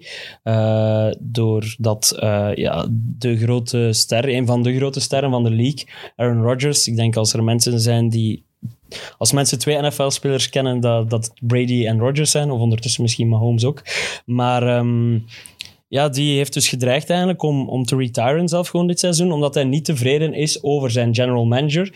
Eh, om het in voetbaltermen te vertalen, zijn een technisch directeur, zeg maar. Omdat hij ja, blijkbaar niet altijd doet wat Aaron Rodgers vindt dat hij zou moeten doen. En vooral ook omdat Aaron Rodgers vindt, wat Tom Brady bijvoorbeeld wel heeft bij Tampa Bay, vindt dat hij inspraak moet hebben in wat zijn ploeg beslist en welke spelers er gedraft worden. Want zo is vorig jaar, niet in de draft van 2021, maar in de draft van 2020, hebben ze in de eerste ronde, iedereen verwachtte dat ze een, een wapen gingen draften voor hem. wide receiver. ja. Een wide receiver, omdat dat een, een duidelijk probleem is van die ploeg, naast Davante Adams, die een van de beste is, los daarvan. Maar nee, in, ze hebben in die eerste ronde eigenlijk zijn een opvolger gedraft, terwijl ze hem dat niet op voorhand hebben laten weten. Hij heeft, zit dus thuis naar die draft te kijken. Ik denk dat hij wel vlak ervoor een bericht gekregen heeft. Nee, of dat ben ik niet zeker. Nee, Oké, zelfs geen berichtje kon er vanaf. Ehm, dus eigenlijk, hij zit daar te hopen van... Want dat was een, een, een, draftklas met veel talent op wide receiver. Hij zit te hopen thuis in zijn zetel, vermoed ik. Vet, wie, gaan wie gaan ze pikken? En er wordt gewoon eigenlijk, eigenlijk gezegd van... Nog even, jongen. En we hebben, we, hebben nu ja. vervanger al. Terwijl, dat je, nog- ja. terwijl dat je op papier en ook in het echt gewoon nog altijd een van de beste spelers... Is een van mijn favoriete spelers aller tijden, Aaron Rodgers. En wat blijkbaar ook wel de ronde doet, waarom hij twijfelde om... Waarom hij graag weg wil. Heeft een nieuwe vriendin, nog niet zo lang. Mhm. Komt uit Californië. Net zoals Aaron Rodgers, woont in L.A., want het is- is een actrice. Is een actrice, dat hij gewoon ook liever dichter bij haar zou wonen en liever ook meer in het lekkere, in het warme weer zou wonen. Want eh, Wisconsin, een goede vriend van mij woont daar in Staten, vlakbij Madison. Ben daar naartoe geweest, een paar elk jaar voor het veldrijden. Maar de ene, eerste keer dat ik naartoe ben geweest, was het eh, gevoelstemperatuur min 32. Dus niet tof. Iceball. Dat is echt niet tof. Om maar te zeggen, dan zou ik ook liever in L.A. wonen. Maar dat zou ook een rol gespeeld hebben. Zou. Ze zijn verloofd ondertussen. Kijk, Gewoon voilà. even, eh, Dus, ja. Ehm, maar maar dat is- maakt het wel dat maakt het Ja. interessant, want het is wel een ploeg die mee gaat doen voor de prijzen. ja, en hij was wat- ook gewoon de MVP vorig jaar. Ja, dat, dat, Ja, dat ja, ook ja, nog. ook al. Niet onbelangrijk. Ja, En wat ook meegespeeld heeft, vorig jaar tijdens training camp, tijdens een van de persconferenties, had hij, had hij het hoog op over, over, eh, over Jake Kumro, een wide receiver. Zegt hij van, die is echt aan een ongelooflijk goed kamp bezig. Eh, ik kijk er al naar uit om met hem samen te gaan spelen. En de week na die persconferentie wordt hij aan de deur gezet en speelt hij nu eigenlijk wel goed in Buffalo, waar hij ook tijdens de playoffs een touchdown gescoord heeft. Dit jaar zegt hij hetzelfde over tight end Kaufuzi, wat dan een van de, van de journalisten vraagt van, oké, ik kijk er al naar uit om hem in Buffalo te zien spelen. Ja, Waarop dan de reactie van, de reactie van Rodgers is eigenlijk... Nee, want we mogen de ongemakkelijke persconferenties die er geweest zijn niet vergeten. Eh, zoek die zeker op op YouTube. En hij heeft ook zo'n een celebrity event gedaan met Tom Brady, dat ze samen zijn gaan golfen. Ja. En Tom Brady heeft hem toen ook de hele tijd onder andere geïnterviewd en zijn toen heel, heeft toen heel veel uitspraken gedaan die volgens mij nog voor onrust gaan zorgen dit seizoen. Want ik heb het gezien in de NBA met het laatste jaar van Kevin Durant bij, bij Golden State bijvoorbeeld. Niet weten wat de belangrijkste speler het jaar erna gaat doen, dat hangt als een schaduw boven, boven een ploeg. En dat kan effectief voor heel veel afleiding zorgen. Maar dat was vorig jaar ook al een beetje Ja. het geval. En hij heeft dan net ge- geantwoord ja, met, met een fenomenaal seizoen. Ja. En eh, om, om nog een referentie te Maar doen... hebben ze, ge- hebben ze iets gewonnen? Nee, nee, net niet. Ja. Mhm. Maar Ja, Ook daar was hij pist over, omdat hij Ja. op de beslissende play heeft hij ook de bal niet in handen gekregen. Nee, de laatste in play. plaats, know. in, in plaats van voor een touchdown te gaan, gaan ze dan voor, Voor een een field heb, je goal. die, heb je die vraag gezien? Hij is ook even vervang eh, presentator geweest van, eh, van Jeopardy. Ja. Eh, En ik weet niet meer wat de vraag was. ja, maar dat dus was ook eh, zo dat antwoord dan. En, en iemand van de kandidaten wist niet wat hij moest zeggen. Ja. Dus zei dan gewoon van... eh Hij had field goal opgeschreven. Ja. Field goal. was er heel mee gelachen van... uh, what do you call... eh, a guy who calls a wrong play of zoiets. Ja. En dan dat was, was mooi. Was Eh, mooi. Ik wou nog één brugje maken, aangezien dat we in X&O's zitten. Vlak voordat hij aan- aangekondigd heeft dat hij, dat hij bij de Packers ging blijven nog voor dit seizoen en dus door ging doen, heeft hij samen met zijn beste teamgenoot eigenlijk, eh, Devante Adams, zijn beste receiver, heeft hij eh, alle twee op een Instagram-story een foto van de Last Dance gepost. Ik heb het gezien. Ja. Is trouwens ook mede-eigenaar van de Milwaukee Bucks. Ja, dacht ik net te zeggen. Aaron Als Rodgers. we toch in. X en O's zitten. Ja, ja, ja. We denken aan ons publiek. De basketbalfans die zijn al lang afgehaakt, denk ik. Ja? De, de pure basketfans, hè. die denken NFL, I don't care. Goed, was jouw derde ploeg? Ja, hè? Mhm. Jouw derde ploeg. Jurgen? Mijn derde ploeg. Eh, Dat is toch al krijg- zijn zevende mag, mag, het één, mag het één stad zijn? er zijn er niet veel opties, hè? Nee, ja. Maar Ga je naar LA of ga je naar New York? ik ga naar L.A. Oké. Eh, met dat is de goed, dan hebben we wat gemeenschappelijker nog. Ja, maar met de Chargers en de Rams. Ja, vorig jaar waren de Buccaneers het eerste team dat een Super Bowl thuis gespeeld heeft. De kans is niet heel groot, maar het zou wel eens kunnen dat dat de Super Bowl zou worden. LA De- tegen de- LA. Ja, de Rams tegen de Chargers. Het is is in LA. Ja, het is in LA. Het is toch ja. compleet belachelijk dat die twee in een andere conference zitten, hè? Dezelfde stad. Ehm, nee, ja, in New York is hetzelfde. Maar dat Ja, is, maar even, dat is, dat is histori- even belachelijk. dat is historisch gegroeid. Hè. En- Ja, ja, we gaan niet zo ver uit. Één. Zelf Pacific, dezelfde divisie zelfs. Ja. Dat, dat is ook dat, in de NBA passen ze dat ook aan, hè, zodat het een beetje meer klopt meestal. Ja, de geschiedenis van de NFL en de American Football League is wel wat anders. Dus vandaar dat ze, dat ze apart zitten. En meestal in pre-season tegen elkaar spelen voor de bragging rights. En om de vier jaar natuurlijk komen ze dan wel tegen elkaar uit. Ehm, maar ik denk met de Rams, die nu een quarterback hebben die een quarterback is. Eh, niet meer Jared Goff, maar Matthew Stafford. Die toch ook wel een balletje kan gooien. Ook met de versterkingen die daar op eh, wide receiver bijgekomen zijn. Ehm, denk ik dat de Rams, en zeker met Sean McVay, die eigenlijk ook zo'n innovatieve, offensive-minded Ja, ook zo'n is. offensief genie wordt gezegd. Ja, hè? Ja. dus eh, dan denk ik dat, dat, daar, dat we daar ook nog wel interessante dingen gaan kunnen Weet je zien. niet eens, Lier? Weet je niet Ja, eens, jawel, ik was even aan. Die zijn alle twee in de staf van Washington gezeten. Ja, en onder- die laten onder vaders- gaan. onder en dat zijn vaders nu zo de Shanahan, twee ja. beste coaches in de league. En Ja. maar Maar met met even zelfspot. Maar Matthew Stafford, dat is belangrijk. Hè? Eh, Ze hebben er echt wel wat voor opgegeven. Ik denk drie toekomstige draftpicks Ja. en ehm, Jared Goff. Maar ik denk niet dat iemand het erg vindt dat die weg is eh, Dat bij is de Rams. contract, hè. ze moesten dat contract doen. Ja. Ja, contract kijk, voilà. Maar Matthew Stafford, iemand waar, die bij de Lions gezeten heeft, dat is een absolute shithole als NFL-ploeg. Heeft nog nooit een playoff match gewonnen, maar wel iemand waar iedereen altijd heel positief over is. Van, Ja. Oké, hij heeft nog nooit een playoff match gewonnen, maar als hij eindelijk in de juiste ploeg terechtkomt, dan gaat het wel klikken. Als de, de Lions wel eens de playoffs haalden, was het dankzij, dankzij Matthew Stafford. Dus ja, als hij nu in een ploeg komt waar die mogelijkheid wel bestaat, en waar nog steeds die defense hebt met een Aaron Donald en dergelijke, dan denk ik wel dat die, dat die mogelijkheden er zijn. En dan aan de andere kant heb je de Chargers, ehm, die met, met, met Herbert eh, hun quarterback van de toekomst hebben. Vorig jaar eh, meerdere rookie-records van quarterbacks verbeterd. Ehm, dan heb je daar ook een nieuwe headcoach nu. Komt van de Rams. die ook van de Rams gekomen is, die daar de defensive coordinator was. Eh, dus die kan die defense dan wel opnieuw op de sporen zetten, want daar is het vorig jaar wat misgelopen, maar ook wel met de blessure van Bosa, geloof ik daar. Dus ja, dan, dan heb je daar ook een, een ja, twee offensive powerhouses misschien, met goede defense. En ja, dat, dat zijn dan defense wins championships.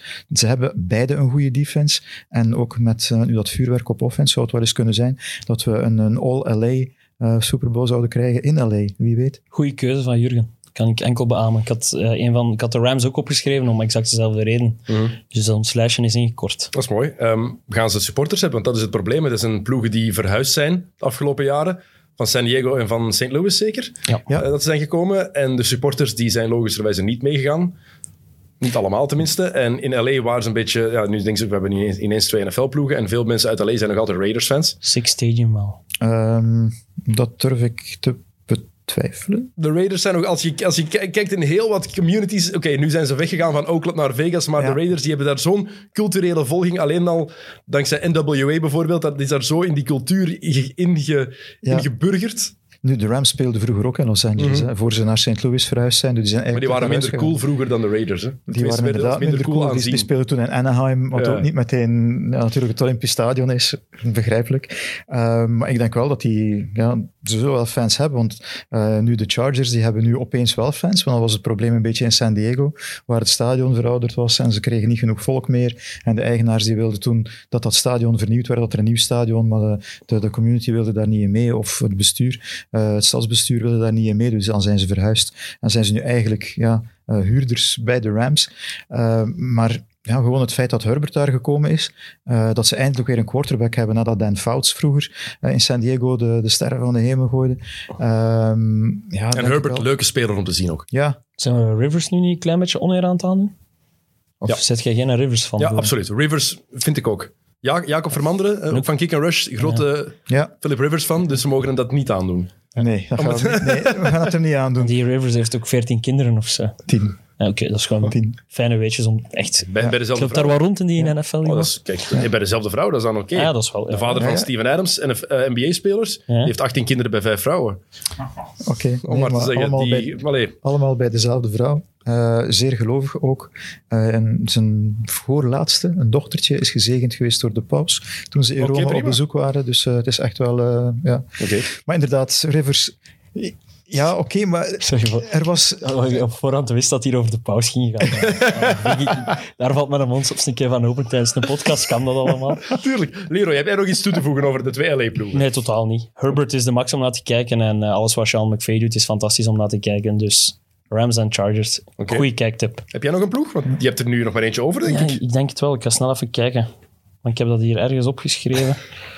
Ik hoop in je notities, dat is gemakkelijk te vinden. Hè? Eh, Washington heb ik gezegd, Ja. de Rams heb ik gezegd, de 49ers heb ik gezegd, de Packers heb ik gezegd, de Titans heb ik nog opgeschreven. Tennessee Titans, omdat daar Derrick Henry rondloopt. Ik Eh, heb Derrick Henry opgeschreven. Ah, Dus, voilà, ah, kijk. Jongens, toch. We zijn, we zijn hier aan het bonden. We zijn aan Symbiose. We zijn hier aan het bonden. Symbiose. Ja, Derrick Henry, een running back, man die met de bal loopt en de, als je het woord tank in een, in een woordenboek zou opzoeken, zijn foto staat ernaast. Dat is de Lukaku van de NFL. Oh, Eh, Back-to-back, eh, dus twee seizoenen aan elkaar, 2000 yards gelopen. St- het is al een uitzonderlijke prestatie om het één keer te doen, laat staan twee keer na elkaar. En wat voor mij de Titans zo plezant maakt en waarom dat ik ze heb uitgekozen, is omdat je merkt in de volledige NFL inderdaad een, een evolutie naar, naar ik ga het- kleinere spelers, zou ik niet per se zeggen, maar misschien kleinere, snellere, vinniger spelers.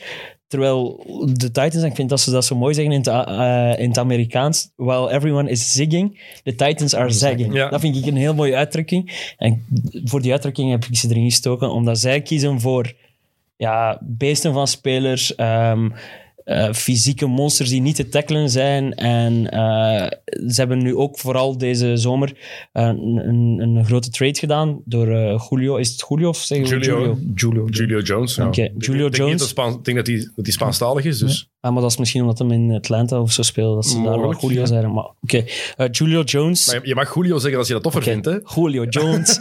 Julio Jones. dat, is, allemaal oké. Julio. Jones. nee, dat is ook weer zo een, een... Ja, als een van de beste receiver... Ik heb daarnet Antonio Brown al even geze- Mhm. genoemd. Ik denk dat Julio daar nog net boven staat. En constanter is geweest misschien de afgelopen tien jaar. Ja, maar toch je daar wel ook last gehad van blessures de laatste seizoen. Ja, de laatste seizoen is hem inderdaad wat van zijn, van zijn, van zijn eh, reputatie- verloren. Ja, van zijn pluimen verloren. Dat was ik inderdaad aan het zoeken. Merci, Dennis. We waren met twee om je te helpen. Ja, we zijn hier, hè? Merci, Jury. Merci, Dennis. eh, om mij nog uit mijn woorden te laten komen.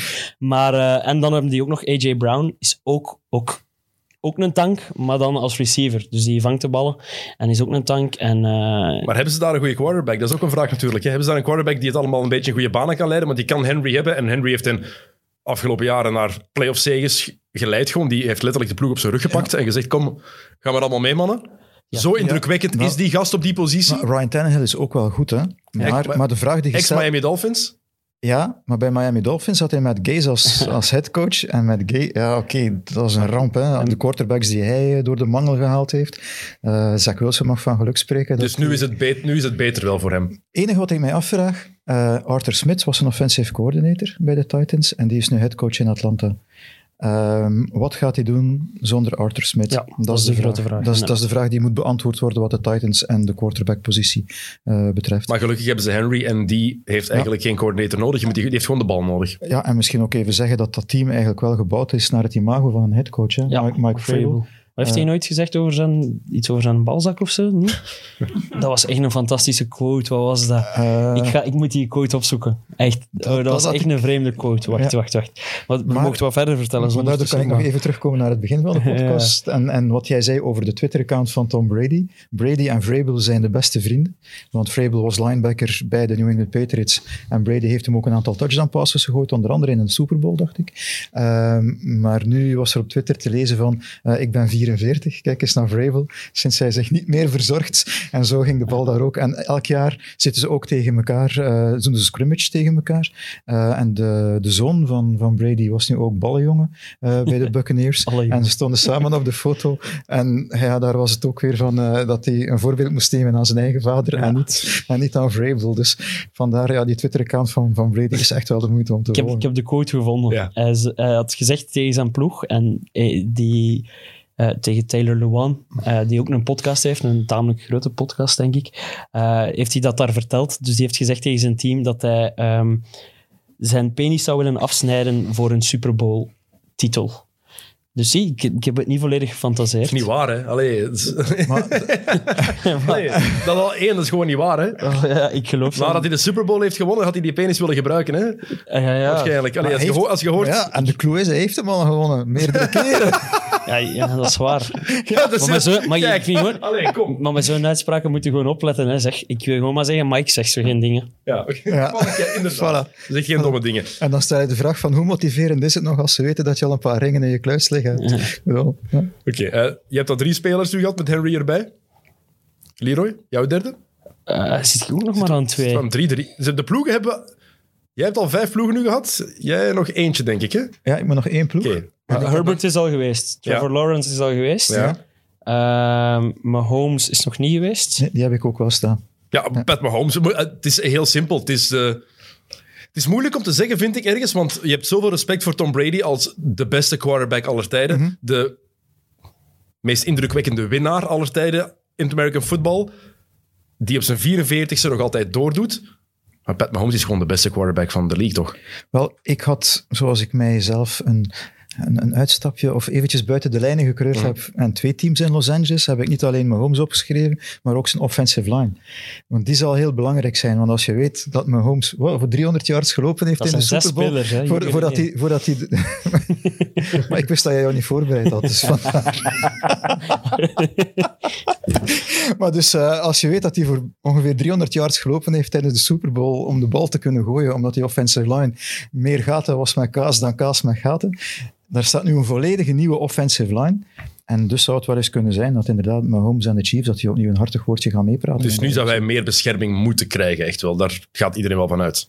Hij zal meer bescherming krijgen en dat zal hem alleen maar gevaarlijker maken met de wapens die hij heeft. Want het, het is een fenomeen. Hè? Want we, praten, we hebben daar straks gepraat over. Je hebt quarterbacks die nu veel meer lopen, die minder goed zijn in gooien. Je hebt quarterbacks die, zoals Peyton Manning vroeger, zoals Tom Brady ook de klassieke quarterbacks zijn. Mhm. Pat Mahomes is nu een van die gasten die letterlijk alles kan. Er is toch niks dat die mens niet kan op die positie. Als, als er één speler is waar je nu een leek moet naar doen kijken om te overtuigen van NFL is de shit om naar te kijken, is, is Mahomes. Ja. Omdat hij zo no-look passes uit, uit de zotste hoeken. Zelf vorig jaar in die verloren Super Bowl gooit hij daar een bal, terwijl dat hij eigenlijk als, als een keeper zo aan een bal aan het saven is, Ja, ja, om, het- ja. om het te En hij beschrijven. was dan slecht in die Super Bowl eigenlijk. ja. Hè? Dat is, Dus Ja, ik ben, Door die offensive line die Ja. er niet was eigenlijk. hè. Dus eh, elk seizoen sinds hij starter is geweest, heeft hij tot in de Super Bowl geschopt tot nu toe. Mhm. Dat is maar twee jaar, maar dat klinkt vetter als je het anders zegt. maar ehm, ik ben benieuwd hoe dat Eh, hij... Mag ik jou even verbeteren, Lier? Wat? Dus het eerste seizoen Ja. is hij gesneuveld in de AFC Championship tegen de Patriots. Ah, juist. Oh, maar dat was ook pijnlijk. Ah, Ja. Het is, al zijn, het is dat nu was- zijn vijfde jaar al. Dat was in de in het verlenging. vijfde jaar, ja. Eén jaar was- achter Dat was in overtime, hè? Ja, hij heeft de bal en niet heeft de bal niet gekregen. in overtime. Ja, maar het was het iconische beeld dat Brady naar Mahomes gaat en Oh. zegt van... Ja. Veel respect, the future is yours Geniale eigenlijk. match. Oké, Ja. goed dat je mij... Ik dacht dat hij nog maar aan drie jaar in de league zat. Ik was die inderdaad vergeten. Maar het is een fenomeen. Het is ook zo, het is een beetje... Een beetje à la Stephen Curry, vind ik, qua imago. Het is echt zo de babyface assassin. Ja. Ja. Mahomes. Ziet er zo een onschuldig manneken uit. Ja. En dan komt hij op het veld en dan maakt hij u gewoon kapot met een glimlach. En met veel plezier. Met heel veel plezier. Het is, maar wat Leroy zegt is misschien wel het belangrijkste eigenlijk. Als je de NFL niet volgt en het American football, denk van ja, wat is dat eigenlijk? Kijk naar Pat Mahomes en let alleen maar op Mahomes en wat die doet. En daardoor alleen kan je al betoverd raken, denk ik. Ja. Ja. Ik, zoek het panache. Mhm. Met panache. Ja. Hij doet u dood met panache. Mooi. Het is mooi. Het is fantastisch, het is genieten. Even terzijde, hoe laat heb jij je fantasy draft? Eh, over een uurtje. Over een uur. Oké, oké. Maar dan geraken we wel door. Geraken we wel door. Eh, eh, Jurgen, jouw laatste ploeg. Mijn laatste ploeg, Ja, dan, zijn dan hebben we de ploegen afgerond. ja, dat zijn de Dallas Cowboys. Oh, de Dallas Cowboys. Ja, America's team. America's. Mag ik eerlijk zeggen dat ik het zinnetje America's team, dat ik dat altijd een beetje belachelijk heb gevonden over de Cowboys. Daarvoor moet je teruggaan naar de jaren zeventig. Ja, ik weet het, maar ik blijf En met Tom Landry en Ja, Tom ik weet het. Ik heb, ik, Ja. ik, ik heb het altijd onnozel gevonden. Ja, maar je had ook Gods team kunnen zeggen. Hè? Want je weet toch waarom vroeger dat stadion in Dallas, hun vorige stadion, dat dat geen dak had. Nee, zeg maar. Omdat God wou. Ja, ik was open omdat God naar zijn ploeg wou kijken. Ik dacht altijd dat dat het regenboogstadion was in Waregem.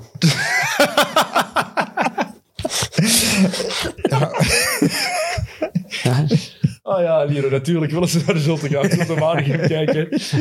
Wat heeft de Frankie vandaag weer eh, op het bord gezet, hè? Jelle Vossen en Mat. Want- Frankie en Timmy. Wat hebben ze vandaag, wat hebben ze En vandaag Davy, weer bedacht? Davy. Ik moet beter doen dan die panache van daarnet. Ik, ik moet nu zeggen, dit is echt wel een meanderende podcast. Oh, mannetjes, we gaan het hier... We waar gaan we hier naartoe? Oké, de Dallas Cowboys, ja. Ehm, wat ik, mijn eerste vraag over de Cowboys. Overschat iedereen die ploeg niet weer opnieuw? Al jaren. Daarom. En Maar, tweede vraag, moet die ploeg echt elk jaar zoveel aandacht blijven krijgen? Het is een beetje zoals de Lakers en de Knicks in de NBA. Ook als die eigenlijk geen enkele aandacht waard zijn, krijgen die nog alle aandacht. Het verschil is, dat is wel LA en New York. Dit is Dallas. ze, krijgen, ze, gaan zo lang, ze krijgen zo lang die aandacht als er niet echt een team is dat in de NFC East zal opstaan en zegt van ik ben hier de sterkste. Washington is een goede kandidaat natuurlijk, maar zolang er niemand zegt van dit is mijn divisie, zoals het vroeger eigenlijk was het dat de, ja, dat, dat was de NFC Beast was het vroeger. Maar gaat dat iets veranderen? Want goed, blijven de NFC Cowboys. Die hebben die supporters schaar, die, die, die hebben die aanhang nog altijd. Hè? Dat ja, is zo. Hè? Dat is zo. Ik weet, LeBron Ja. James bijvoorbeeld, dat is zijn ploeg. Komt uit Cleveland. Hij Ja. komt uit... Maar die ster, Ohio, die, die ster, heeft zoiets, Akron, die, die ster op die helm heeft zoiets mythisch. Eh, ik moet dan denken dat het waarschijnlijk iets met een sheriff te maken heeft of zo. En Amerikaan zijnde, weet ik veel. Maar eh, ja, het is gewoon, het is ook de Lone Star State, oké. Oh, ja, Eh, het, zal, het zal vooral daarom zijn. ja, ja, waarschijnlijk. Maar, maar ja, en, en ja, heel het verhaal rond Jerry Jones en, en, en, dergelijke. Ze hebben ook, Dus- je hebt elk jaar zo Hard Knocks. Dat is een documentaire waarin de voorbereiding van een ploeg wordt gevolgd. Dit jaar waren dat de Cowboys. Ja. En daarin zag je eigenlijk al... Je kan daar wel dingen in vinden, in mijn ogen, wat ik toch gezien heb, dat je kon zeggen van, ah, dat zit niet goed. Daar maak ik mij zorgen over. Je hebt Ezekiel Elliott bijvoorbeeld, Die geen cadeaus kan verpakken. die soms blijft giechelen als een, als een tiener. Maar offensive gaan dat toch... Dat gaat toch een, een monster zijn, Maar offensive. wie zegt dat Dak Prescott... Dak Prescott is de quarterback van de Cowboys. Die heeft zo'n zware enkelblessure opgelopen, vergelijkbaar met die van Paul George destijds of van Gordon Hayward. Zo'n gecompliceerde breuk. Gordon Hayward heeft twee jaar nodig gehad om terug te komen. Paul George dik anderhalf jaar om effectief gewoon dat vertrouwen in het lichaam terug te vinden. Dat was in het basketbal. Dit is in het American football waarin je weet, oké, er kan zomaar iemand ineens een kolos van 120 kilo, er kunnen drie kolossen van 120 kilo op mijn lichaam vallen. Waarom zou die nu wel ineens 100% fit zijn? Omdat het Dak Prescott is.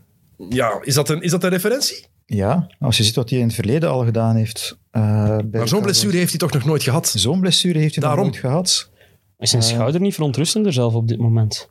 Op korte termijn. Goh, Want ze wisten ook niet wat er daarmee aan de hand was met zijn schouder. Want ze hebben naar, naar, naar een baseballploeg gebeld om, om meer informatie om info te is vragen. over- ja, ja, dat was ook een Hard Knocks. De eerste Ja. aflevering zelf, denk ik. Ja. Dus die eh, op, train, op trainingkamp was die wat overbelast of zo. Mhm. En had dus last van zijn schouder. Maar een blessure die ze bij de Cowboys nog nooit gezien hadden. hadden. Dus ze hebben nou, wat zijn dat? De Texas Rangers? Ja. Juist? Ja. Hebben ze naar de Texas Rangers gebeld om te vragen van... Hebben jullie ooit bij, bij, bij jullie pitchers al zo'n blessure gezien? Dus... Maar ja, oké, die als je die in enkel gezien hebt vorig jaar, gaan we ons toch meer zorgen maken Wel, maar over ik die denk, ik denk het vooral, maar ook voor het mentale. Ik heb niet alleen voor het fysieke. Het ment, in het kopje is dat toch extra, extra moeilijk om na zo'n blessure het vertrouwen weer terug te vinden. Mentaal is hem een beest. hè. Mentaal is hij heel sterk. Hè? Ja. Hij, heeft Zijn altijd, heeft altijd moeten vechten tegen vooroordelen. Ehm, ja, dus het is eigenlijk echt wel... Zijn, Ja, zijn broer heeft nu ook recent Ja, ook, eh, ja. zelfmoord gepleegd. Ja. was denk ik in lockdownperiode, hè, Ja. denk ik. Ja. Eh, Ook weer, ik vond dat het, het, het indrukwekkendste misschien zelf in Hard Knocks, hoe dat hem daarover aan het vertellen was. Dus allee, ik denk, qua, qua relativeringsvermogen en zo, Mhm. Dat hij wel beseft van... Ja, dat hij dat wel een, een plaatsje kan geven, maar garanties zijn er natuurlijk Ik heb, niet. ze hebben met Dak Prescott een meer dan goede quarterback. Ze hebben met Ezekiel Elliott op papier een goede running back. Mhm. Op het terrein laat hij het al te weinig zien eigenlijk. Ze hebben met CD Lamb volgens velen de nieuwe Jerry Rice. Amari Eh, Cooper. Het nieuwe supertalent. De receivers hebben Mary Cooper. Ja. Waarom overschatten we die ploeg dan, Jurgen? Ze- ook- o- offensive line is ook top, hè, normaal, als hij Ja. nog fit is. Maar nu voor de eerste wedstrijd zouden ze Zach Martin moeten missen. want- Waarom overschatten we die ploeg dan toch in jouw ogen? Maar omdat ze eigenlijk op het beslissende moment altijd net iets tekort komen. Hè. Maar ja, dat- en, en dan word je telkens weer ontgoocheld. Maar ik, waar ik- waarom ik ook Dallas gekozen heb, ze hebben nu een nieuwe defensive coordinator. Ehm, Dan Quinn. Dan Quinn, dus de gewezen headcoach van Atlanta. Oké, die 28-3, het verhaal van de Super Bowl die verloren is door de defense dan. Maar om Atlanta in die Super Bowl te krijgen, die defense stond dan wel op punt. En er zijn nu een heel aantal spelers van Atlanta die ook overgekomen zijn om het systeem van Dan Quinn in te doen, de safeties dan vooral. Dan Quinn die ook nog eh, defensive coordinator geweest is bij Seattle, toen Seattle de Super Bowl gewonnen heeft. Dan is hij daar vertrokken heeft Seattle dan nog wel de Super Bowl erna gespeeld en dan verloren van, van, van de Patriots. Maar hij heeft mee die verdediging op poten gezet daar bij Seattle. Dus als defensive coordinator is Dan Quinn toch wel ook een van de betere. We hebben het al gehad over Sean McVay en, en Kyle Shanahan als offensive eh, geniuses. Die Dan Quinn is ook wel sterk als defensive coordinator. En als hij nu daar zijn magic eh, kan bovenhalen met... Want hij heeft daar met Randy Gregory en zo heeft hij toch ook wel behoorlijk wat sterke verdedigers staan. Als die verdediging eindelijk begint te spelen naar wat ze waard is, dan denk ik dat, dat de Dallas Cowboys kans maken om de playoffs te halen. Zeker in de NFC East. Sorry, Leroy. NFC Beasts. Ja. Nu, NFC nu, Least nu, is het least- tegenwoordig. nu, least, NFC. Least. En eens je in de playoffs bent, kan er van alles gebeuren. Hè? Want dat is one... Maar waarom, maar waarom moeten mensen dan de Cowboys dit jaar volgen? Wat maakt het hen zo interessant? Omdat het de Cowboys zijn? Omdat elke match 55-45 gaat zijn. Waarschijnlijk. Omdat hun defense... Ja. gaat, Dit zou, nu, nu, nu hij zou- gelooft meer in de defense dan ik. Nu zou het misschien 7-6 zijn. Ja, hij gelooft iets meer in de defense dan ik. Oké. Ehm, en ik denk dat die offense zodanig goed is dat ze wel alles kunnen overkomen wat die defense... Want dat was in het begin van vorig seizoen ook het geval met Dak Prescott. Voor hij zijn enkel brak, was hij op weg naar waanzinnige cijfers, omdat hij zoveel moest goedmaken van zijn defense. Eh, maar ja, een keer dat, dat Dak daar weggevallen was, ja, was Ja, het kaartenhuisje in elkaar gestuikt. Dus, Ben DiNucci. ja. Oké, goed. We hebben- jullie hebben ieder vijf ploegen gezegd, dat is mooi. Ehm, ieder nog twee spelers. Oké, Ik denk dat de mijne allemaal genoemd zijn eigenlijk. dat is goed. ik, heb, ik heb nog een paar dingen opgeschreven voor wat quick ik, heb hits. er, hè. ik heb er maar eentje mee. Oké, doe maar. En dat is Josh Allen, quarterback van de Buffalo Bills. Die vorig jaar, een, vorig seizoen, een ongelooflijke stap voorwaarts eh, gezet heeft. Want ik herinner me nog de playoffs het jaar daarvoor, dat ik zelf nog aan het vragen was van, doe dat toch niet? was op een gegeven moment een derde poging of zo, en hij liep dan, en, en dan gooide hij een, een, een ongelooflijk debiele paas, die je naar een turnover leidde, dat je dacht van, oké, hij probeert nu echt wel hard, maar doe dat niet, gebruik je verstand. En als je dan ziet hoe je dan vorig jaar daar bij de Bills eigenlijk, ja, het, het was fenomenaal, het verschil tussen het seizoen daarvoor, als dat in stijgende lijn verder gaat, dan vrees ik voor mijn Miami Dolphins, maar ja, ik ben, ik ben echt benieuwd en ik vraag me echt af hoe het met Josh Allen zal gaan Ik denk dat de. Bills een heel grote kans hebben, hebben om de Super Bowl te halen, eerlijk gezegd. Ik denk dat dit een ploeg is die in stijgende lijn gaat blijven gaan. Vorig jaar indrukwekkend bij momenten. Mhm. Echt heel leuk om te zien. En dat komt doordat Josh Allen die extra stap gezet Ja. heeft. En dat alles wat je nu hoort en leest en wat je ziet, lijkt het dat hij er nog een stapje heeft kunnen bijzetten. Ik wacht af. Je wacht af, Liro, wat denk jij? Ik ben zot van hun fans gewoon, van de Bills. Dus ik hoop dat die ver De. Bills Mafia. Als ik ooit... Bills Als Mafia. ik, ja, als ik ooit... Ergens, maar Buffalo is er voor de rest waarschijnlijk geen hol te beleven. Maar als ik ooit ergens naartoe wil, echt naar een match, is het wel waarschijnlijk Buffalo. Omdat, ja, wat dat die... Dat zijn, dat zijn de Britten van Amerika of zo, hè. dat is alles wat ik graag zie aan de, Premier, ah, aan, aan de debiele fans van de Premier League. Dat zijn de, zijn de fans van Buffalo Bills. Eh, dat was dat door van, van, van op een ladder door tafel springen en zo op zijn, op zijn WCW's. Hey, eh, deze week nog een heel tof filmpje gezien daarvan van een kindje dat kanker overwonnen had. Eh, die ook Buffalo Bills fan was. En die hadden zo een. Ik zag wel dat er zo een kartonnen tafeltje was. Maar oké, dat snap ik nu wel dat je nog niet hem door een kind, tafel ja. laat springen. Ja. Dus ja, een kindje die om te vieren dat hij kanker overwonnen had, ook door zo'n tafelsprong vond ik een, eh, een heel mooi moment. En En zijn grote wens is om Josh Allen te ontmoeten. En Josh Allen heeft dat filmpje geliked. Dus, zal de kans is vrij komen. groot dat dat Ah, zal gebeuren. Maar het is los daarvan, toffe speler om te zien ook. Maar ook de Bills zijn ook een toffe ploeg om te zien. Mede ook dankzij die supporters en die sfeer die daarbij is. Maar ook op het veld, ik vond het een heel toffe ploeg vorig jaar. ja, Ja, terecht. ja. Dus ploeg in de gaten te houden. Oké, ehm, we hebben jullie vijf dingen gehad, dus we gaan naar wat quick hits gaan. Gaan we niet te lang op doorgaan. Ik heb nog een paar dingen opgeschreven die ik vond dat even aangehaald moesten worden. Ehm, eerste, moet ik medelijden hebben met ehm, New York Giants fans?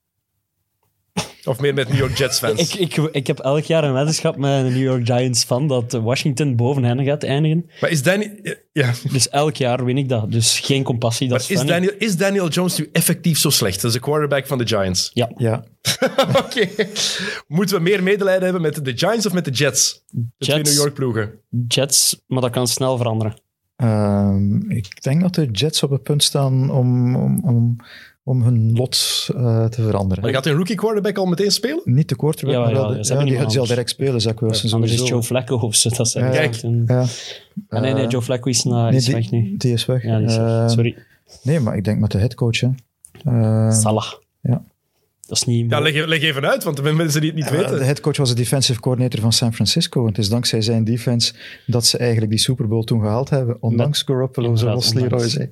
Ehm, als hij nu met die gedrevenheid, als Salah daar nu aan de slag gaat eh, bij de Jets en, en Wilson mee kan laten geloven in het verhaal en Wilson genoeg kan beschermen dat hij zijn ding kan doen, dan denk ik wel dat de Jets eigenlijk binnen de kortste keren terug eh, gaan meespreken in, in de NFL. Oké, eh, de Chicago Bears dan, die zijn eigenlijk al jaren op zoek naar echt een goede quarterback. Ze hebben eindelijk nog eens een zwarte quarterback. eh, quarterback. Ze, zeiden het, ze, ja, ze noemden dat zo mooi, ik wou het zeggen, de quarter black. Nee, ik vind het heel mooi dat ze dat zo noemden.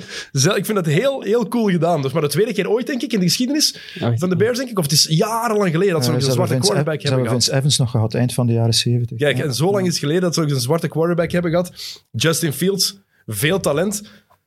Maar dan gaat die een mens waarschijnlijk op de bank starten achter Andy Dalton. Ik ben daar niet zo'n fan van, eerlijk gezegd. Dat hij achter Andy Dalton start. En daar leg je dan meteen de vinger op de wonde en de zeer pijnlijke plek.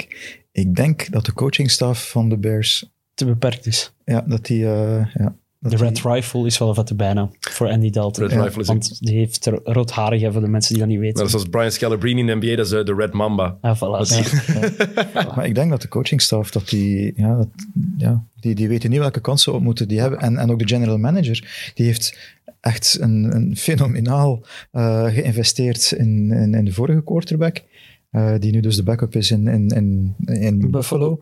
Ehm, ben ik, het is zo goed dat ik zijn naam zelfs Trubisky. ben. Trubisky, voilà. Mitchell.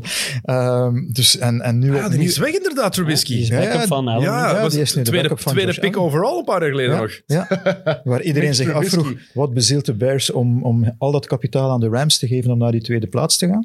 Eh, de Rams die daar dan wel dankbaar gebruik van gemaakt hebben natuurlijk. Maar dan, dan, dan denk ik dat er daar ja, bij de ploegleiding dat er iets verkeerd is. Ook het feit dat je Justin Fields, je ziet dat hij eigenlijk beter presteert in de preseason dan Andy Dalton. En toch ga je al na de tweede week gaan zeggen van ja, Andy Dalton is onze Dus misschien is het gewoon dat ze het seizoen beginnen tegen de Rams en dat ze niet Ja, willen dat, eh, ik dat Darnold Fields al meteen kapot maakt.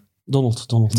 Sorry. Darnold. Inderdaad. Darnold is nog iets. Een die speelt nu bij Carolina. Ja, daarom. Ja, ja, ja, die, die, komt, die komt van de Jets. Hey, ik denk het grote probleem is bij de Bear- Bears is dat ze op twee gedachten hinken. Ze willen Ja. nog nu doen, maar eigenlijk moeten ze beseffen dat het niet voor nu is weggelegd en dat ze naar de toekomst Ja, moeten en dat kijken. is dan in groot contrast met Miami bijvoorbeeld, waar dat Brian Flores een duidelijke lijn trekt. Zo doen we het en niet anders. Ja. Terwijl daar twijfelen ze continu. Sam Darnold dan? Gaat hij zijn eh, carrière een nieuw leven kunnen inblazen bij Carolina? Ja of nee? Slechter kan niet. Inderdaad. Maar, Pas op. maar hij had ook weer die Adam Gaze als, als headcoach. Hè? Ja, wel, Eh, dus ja, dus hij is daar door de mangel gehaald. Dat is echt een het quarterback-killer gewoon, hè? Ja, Ja, maar terwijl dat hij zijn reputatie Terwijl- is toch gebouwd Ja, als quarterback. als quarterback whisperer. Ja. Maar Ehm, eens hij het zelf voor het zeggen had... eh, Dat kan het snel keren. Maar hij heeft wel goede wapens, hè? Met, eh, met McCaffrey, als die niet Want die komt terug uit zijn blessure, ja. Die komt terug. Hij heeft nu ook Anderson als een wide receiver, waar dat hij wel een goede connectie mee had bij de Jets. Die vindt hij daar terug. Dus, ja. Hoe groot wordt de shitshow in Houston? Ik heb getwijfeld om ze op te schrijven met mijn vijf ploegen waar ik naar uitkijk. Ik moest, ik naar moest ze uitkijken. vermelden. Ja, ja, naar uitkijken, maar op zo'n hilarische manier, omdat die, dus Ja. die, die ploeg is volledig het noorden kwijt. Hebben vorig jaar een van de slechtste trades die ik sinds dat ik het volg ooit gezien heb. die hebben eh, ja, een van de beste wide receivers weggetraind voor een versleten running back. En was het een second rounder? Ik denk zelf niet dat ze een first rounder voor Nee, gekregen nee, hebben. En, en sindsdien, en het enige lichtpunt die ze daar hadden, is Deshaun Watson, waar we het daar net al even over gehad hebben. Eh, echt een fenomenale speler. Echt, wat mij betreft, qua talent misschien de tweede beste na Mahomes op, op dit moment. Eh, ja, in het kaliber van Josh Allen en vijf, zo, inderdaad. Ja, top Ja. 5. Het zit daar wat dicht bij elkaar. Maar die zit dus, zoals ik daarnet al kort zei, verwikkeld in, in, een, in een, een, een verkrachtingszaak. Is niet echt eerder seksueel. Ja, aanranding. Aan- ja. Me- meer- meerdere aanrandingszaken, dat ook Ja, vooral. Dat is- 22, 22 aanklachten. Kijk, allee, zijn dat- er. dan, dan weet je, allee, dat is, dan is het niet gewoon, Maar- er is niet maar alleen rook ik, heb er daar is eigenlijk, gewoon, een, ik heb daar is eigenlijk een vraag over. Ehm, ik heb een osteopaat en die kent mijn lichaam bij manier van spreken. Die weet als mijn nek vastzit Hmm. hoe ze die moet bewerken. Dan vraag ik mij af, als professioneel atleet, hoe kan je dan 40 masseuses gebruiken? Dan, terwijl je toch ervan uitgaat dat, dat je bij één, één persoon gaat die je lichaam kent en die als je problemen hebt, die daar de makkelijkste en de beste oplossing... Hoe, hoe kan je dan... En, en dat er op dan zoek naar happy endings. Lijkt ook de enige, enige mogelijke Ja. Zou, ze, optie. zou een titel van zijn biografie kunnen zijn. De not so happy ending Maar hij had zelf al aangegeven dat hij weg wilde in Houston, gewoon omdat het eigenlijk daar al... Ook nog. Ja, Die moeten nu zo pist zijn op hunzelf dat ze hem niet getraind hebben. en dat ze, oh, Trouwens, wel iets negatiefs over NFL. Het is onwaarschijnlijk hoeveel aanrandingszaken en zij, zij eigenlijk al door de jaren door de vingers hebben gezien. Dat is onbegrijpelijk. Dat zij daar zo... Ik vind dat, is, ik vind dat ik- Hoeveel- ja. je, kan al, je gaat doorheen, je gaat terug doorheen de geschiedenis van de NFL alleen maar de laatste 15 jaar. En je hebt daar letterlijk ook al... Wie was het in die lift? Die... Spreek Ben niet. Ruthlessburger. Nee, Nee, nee, nee, nee. nee. Was, was er nog voor. Ja, echt Eh, een, een, een NFL-speler, ik Ja, weet niet meer wie. Ah, Kareem Hunt. nee, ja, dat Nee, was ook- al, nee, die was op een vrouw aan het is op de grond. Die, die is wel nog teruggekomen, maar het, is, Allee. het was een running back van de, van de Baltimore Ravens. Ja, Eh, net voor de Super Was het niet net voor de Super Bowl? Of Nee, niet? het was niet... Nee, nee, het En was Darius Guys van Washington, die heeft zijn oude vrouw gestrangeld en zo. Echt, Ja. allee. Ja, die ma- maar nee, er, er is iets dat niet klopt bij sommige NFL-spelers. Dan vraag ik me af wat daar effectief ook misschien CSI als supplement NFL. gegeven wordt. We kunnen een serie maken, CSI CSI NFL. Ja, het, zou- het is wel iets... ah, ik vind dat de NFL daar alleszins veel beter in moet is zijn. Maar goed, een- dat is, eh, als we daarover beginnen, dan zijn we binnen een uur nog bezig. Dan mis jij je fantasy draft. Een zuur donker kantje inderdaad. aan Absoluut. Onze league. Ja. Ehm, zijn de Cleveland Browns nu echt een van de favorieten? Maar echt, echt. Want je hoort er eigenlijk weinig over. En meestal, als je weinig hoort over een ploeg, is het een goed Ik teken. wil u eerst laten antwoorden. Ja, O- Odell Beckham. Jr. zou weer helemaal fit zijn. Baker Mayfield, ik ben geen fan. Vooral niet van zijn manier van doen. Ik vind het zo de, de typische Wie, OBJ of Baker? Baker. Ik ben Ik geen ben fan van Baker Mayfield. Vooral als persoon, ik weet niet, ik heb het er niet voor. Maar goed, ehm, ze zouden wel eens effectief een van de favorieten kunnen zijn. Is het Ja. zo of niet? Ze zitten wel in een heel zware divisie natuurlijk. Hè? Eh, met de Ravens, de Steelers. Ehm, als ze dat overleven, dan hebben ze wel kans. Maar ehm, nu, ik denk dat ze nog een beetje zullen verder gaan op de euforie van vorig jaar. Voor het eerst in zoveel jaar dat ze naar eh, playoffs. de playoffs geraakt Mhm. zijn. Ehm, dan ook meteen gewonnen. Eh, Dus dat hielp ook wel. En eigenlijk ja, was het... Ja, het was kantje boord tegen de, de Chiefs, voor de Chiefs. Hè. Ja. Ehm, dus we kunnen meteen weer wraak nemen. Hè. We gaan het eigenlijk meteen weten in de eerste week. Want als de, Sunday, de, de, de wedstrijd zondagavond om, om 25 over 10 op Eleven Sports, zo Cleveland tegen de Chiefs. Sluikreclame. Ja, mag ook wel zeker. Hoeveel, hoeveel, van hun, hoeveel van hun laatste 16 openingsmatchen hebben de Browns gewonnen? Nul, denk ik. Nul, denk ik. Absoluut, nul. Ik zeg ja, ik geloof in de Browns. Oké, ehm, heb ik hier nog staan? Nog een paar dingen. Hè. Ehm, Dus ze hebben wel eindelijk een, een goede headcoach. Dat is de afgelopen jaren ook wel anders geweest. En die Kevin Stefanski, die, Ik heb het er ook wel voor. hè. ja, die, die kent het klappen van de zweep ondertussen al. een van de meest indrukwekkende verdedigers van de afgelopen tien jaar, J.J. Watt, van ploeg veranderd. naar de Arizona Cardinals, wat voor heel veel mensen een verrassing was. Maar hij wilde ook wel uit Houston, hè? Ja, maar wou niet in de shit, shitshow Oké, maar naar Arizona. Ik begrijp het nog altijd niet. Gaat Dankzij Arizona... DeAndre Hopkins, hè? Hopkins was een goede vriend van hem bij de, bij de Texans. Is dat, is dat de enige reden geweest, denk je? Eh, de zon waarschijnlijk ook. En men zegt ook dat Arizona de plaats is waar mensen in de Verenigde Staten dan ook met pensioen trekken. Dat is een beetje de kust van uh, wat, wat Maar- bij maar ja, kust. Florida niet onderschatten, hè? Ze ook graag met maar, pensioen. maar, ja, maar Brady heeft daar ondertussen wel wat verandering in gebracht. Dat is waar. Oké. ehm, Russell Wilson, quarterback van Seattle. Gaat hij een verloren jaar hebben Nee, bij Seattle? Want- zeker niet. Nee? Nee. Die gaan play-offs halen.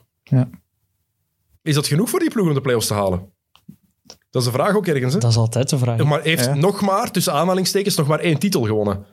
Had er al met het talent dat hij heeft gehad in zijn ploeg, had hij al minstens twee, had er al twee moeten winnen. Als, ze ja. niet hadden gepast tegen de Patriots. Ja, Als Tom Brady er twee op drie pakt, is het ook moeilijk voor de rest om nog één te pakken. Ja, hè. natuurlijk, ik Aaron, weet het maar. Aaron, Aaron Rodgers heeft ook maar één, hè? ja.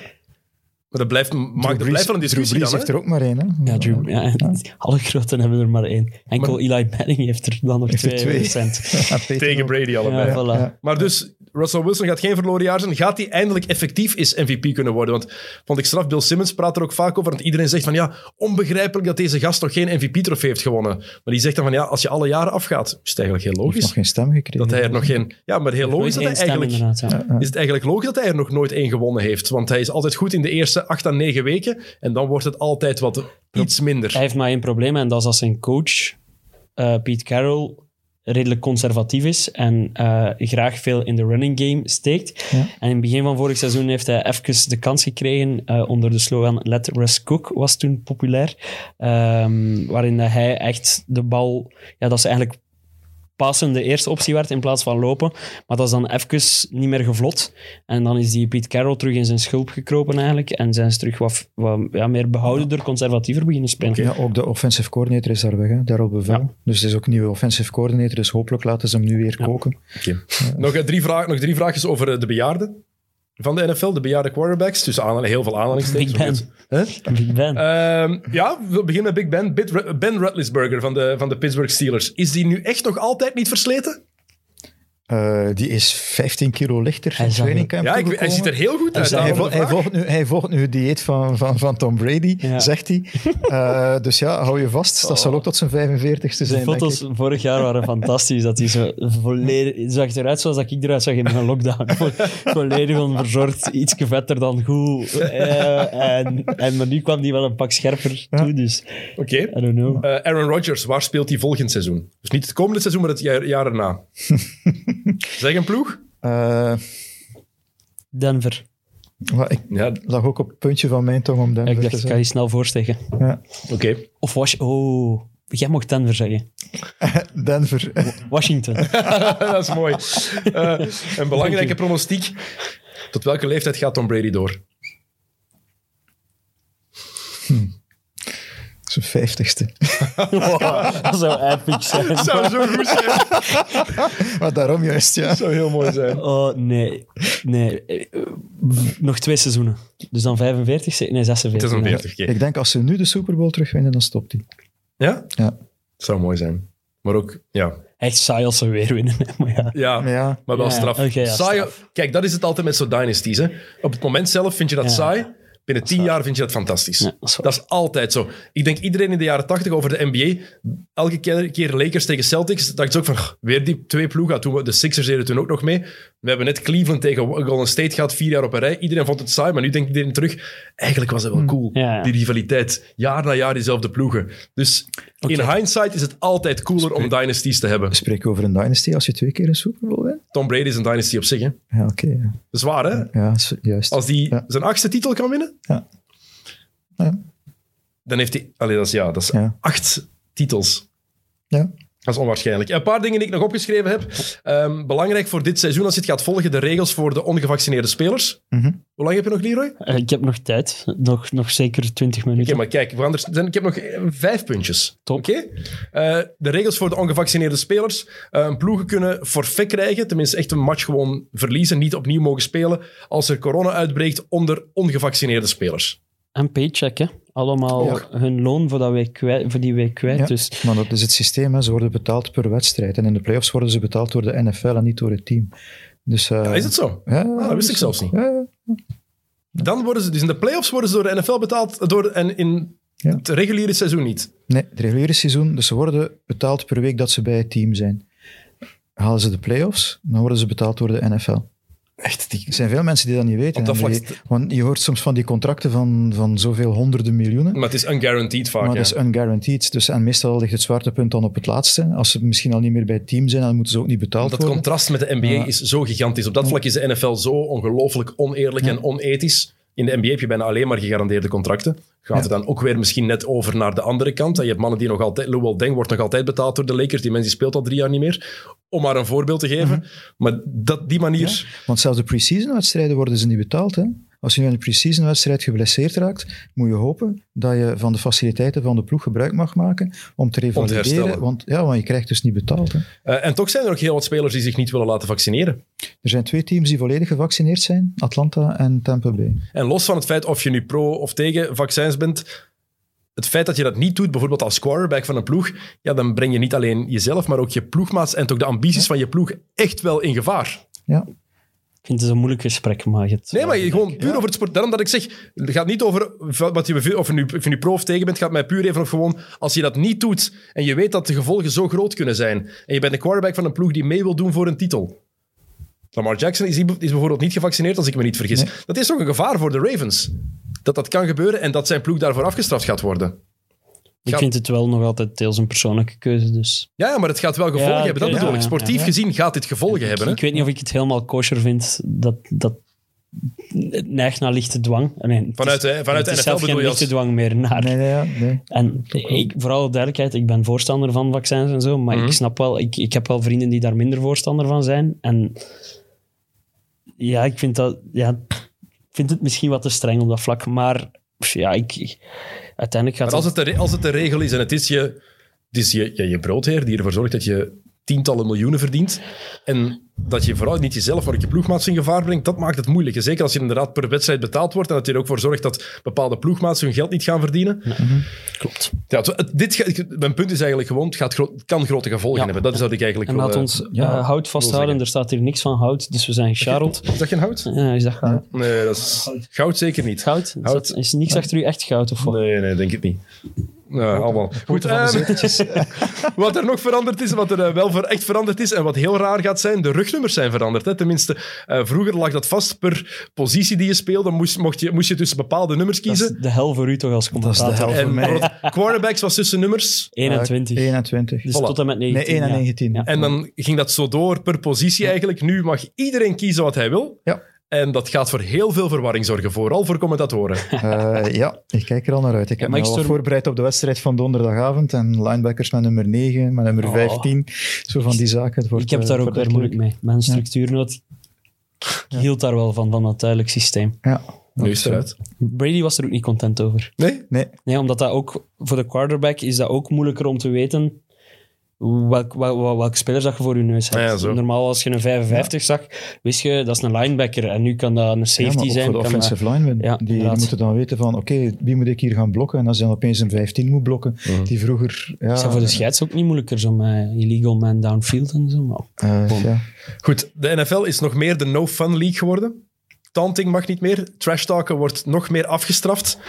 En we hebben al in pre-season een paar voorbeelden gezien Mhm. van dingen. Iemand die gewoon een, een sack of een tackle aan het vieren was, die dan afgestraft werd. Ja, Nee, ergste ze gaan er ook weer te ver in Ergste, gaan. hè. ergste vond ik nog bij de Colts, die rookie running back die daar drie man op zijn rug meedraagt en die, die een first down haalt. En dan doet hij het teken van first down en toevallig staat daar een, een- iemand van de andere tegenpart van, van de andere ploeg en dan krijgt hij een personal foul wegens stonting. Terwijl hij net zo'n inspanning geleverd heeft. Bedoel, Ja, dat is, dat is het is, belachelijk. ja, het is inderdaad, het, het, ja, het gaat naar het belachelijke toe, klopt. Nu, ik begrijp het wel, want als je ziet wat er gebeurd is, eh, Tennessee en, en, en Baltimore, met dan dat feestje op, op, eh, op het logo. Maar het hoort er toch bij, vind- Jurgen. ja, het hoort er ja, of Rodgers die even zo staat te shaken. Trash talk hoort humor, bij man. Amerikaanse Ja. sporten. Je hebt een heel goede podcast gehad met Filip Joos, hè, erover. Ja, maar als, Ja, ja. Oh, als ze, als ze? Kijk, dat is mooi. Als ze, in, als ze in de NHL, in het hockey, nog altijd gewoon hun handschoenen mogen afdoen en gewoon met blote vuisten op elkaars gezicht rammen, dan moet je ook wel een keer gewoon iemand anders mogen lachen, hè?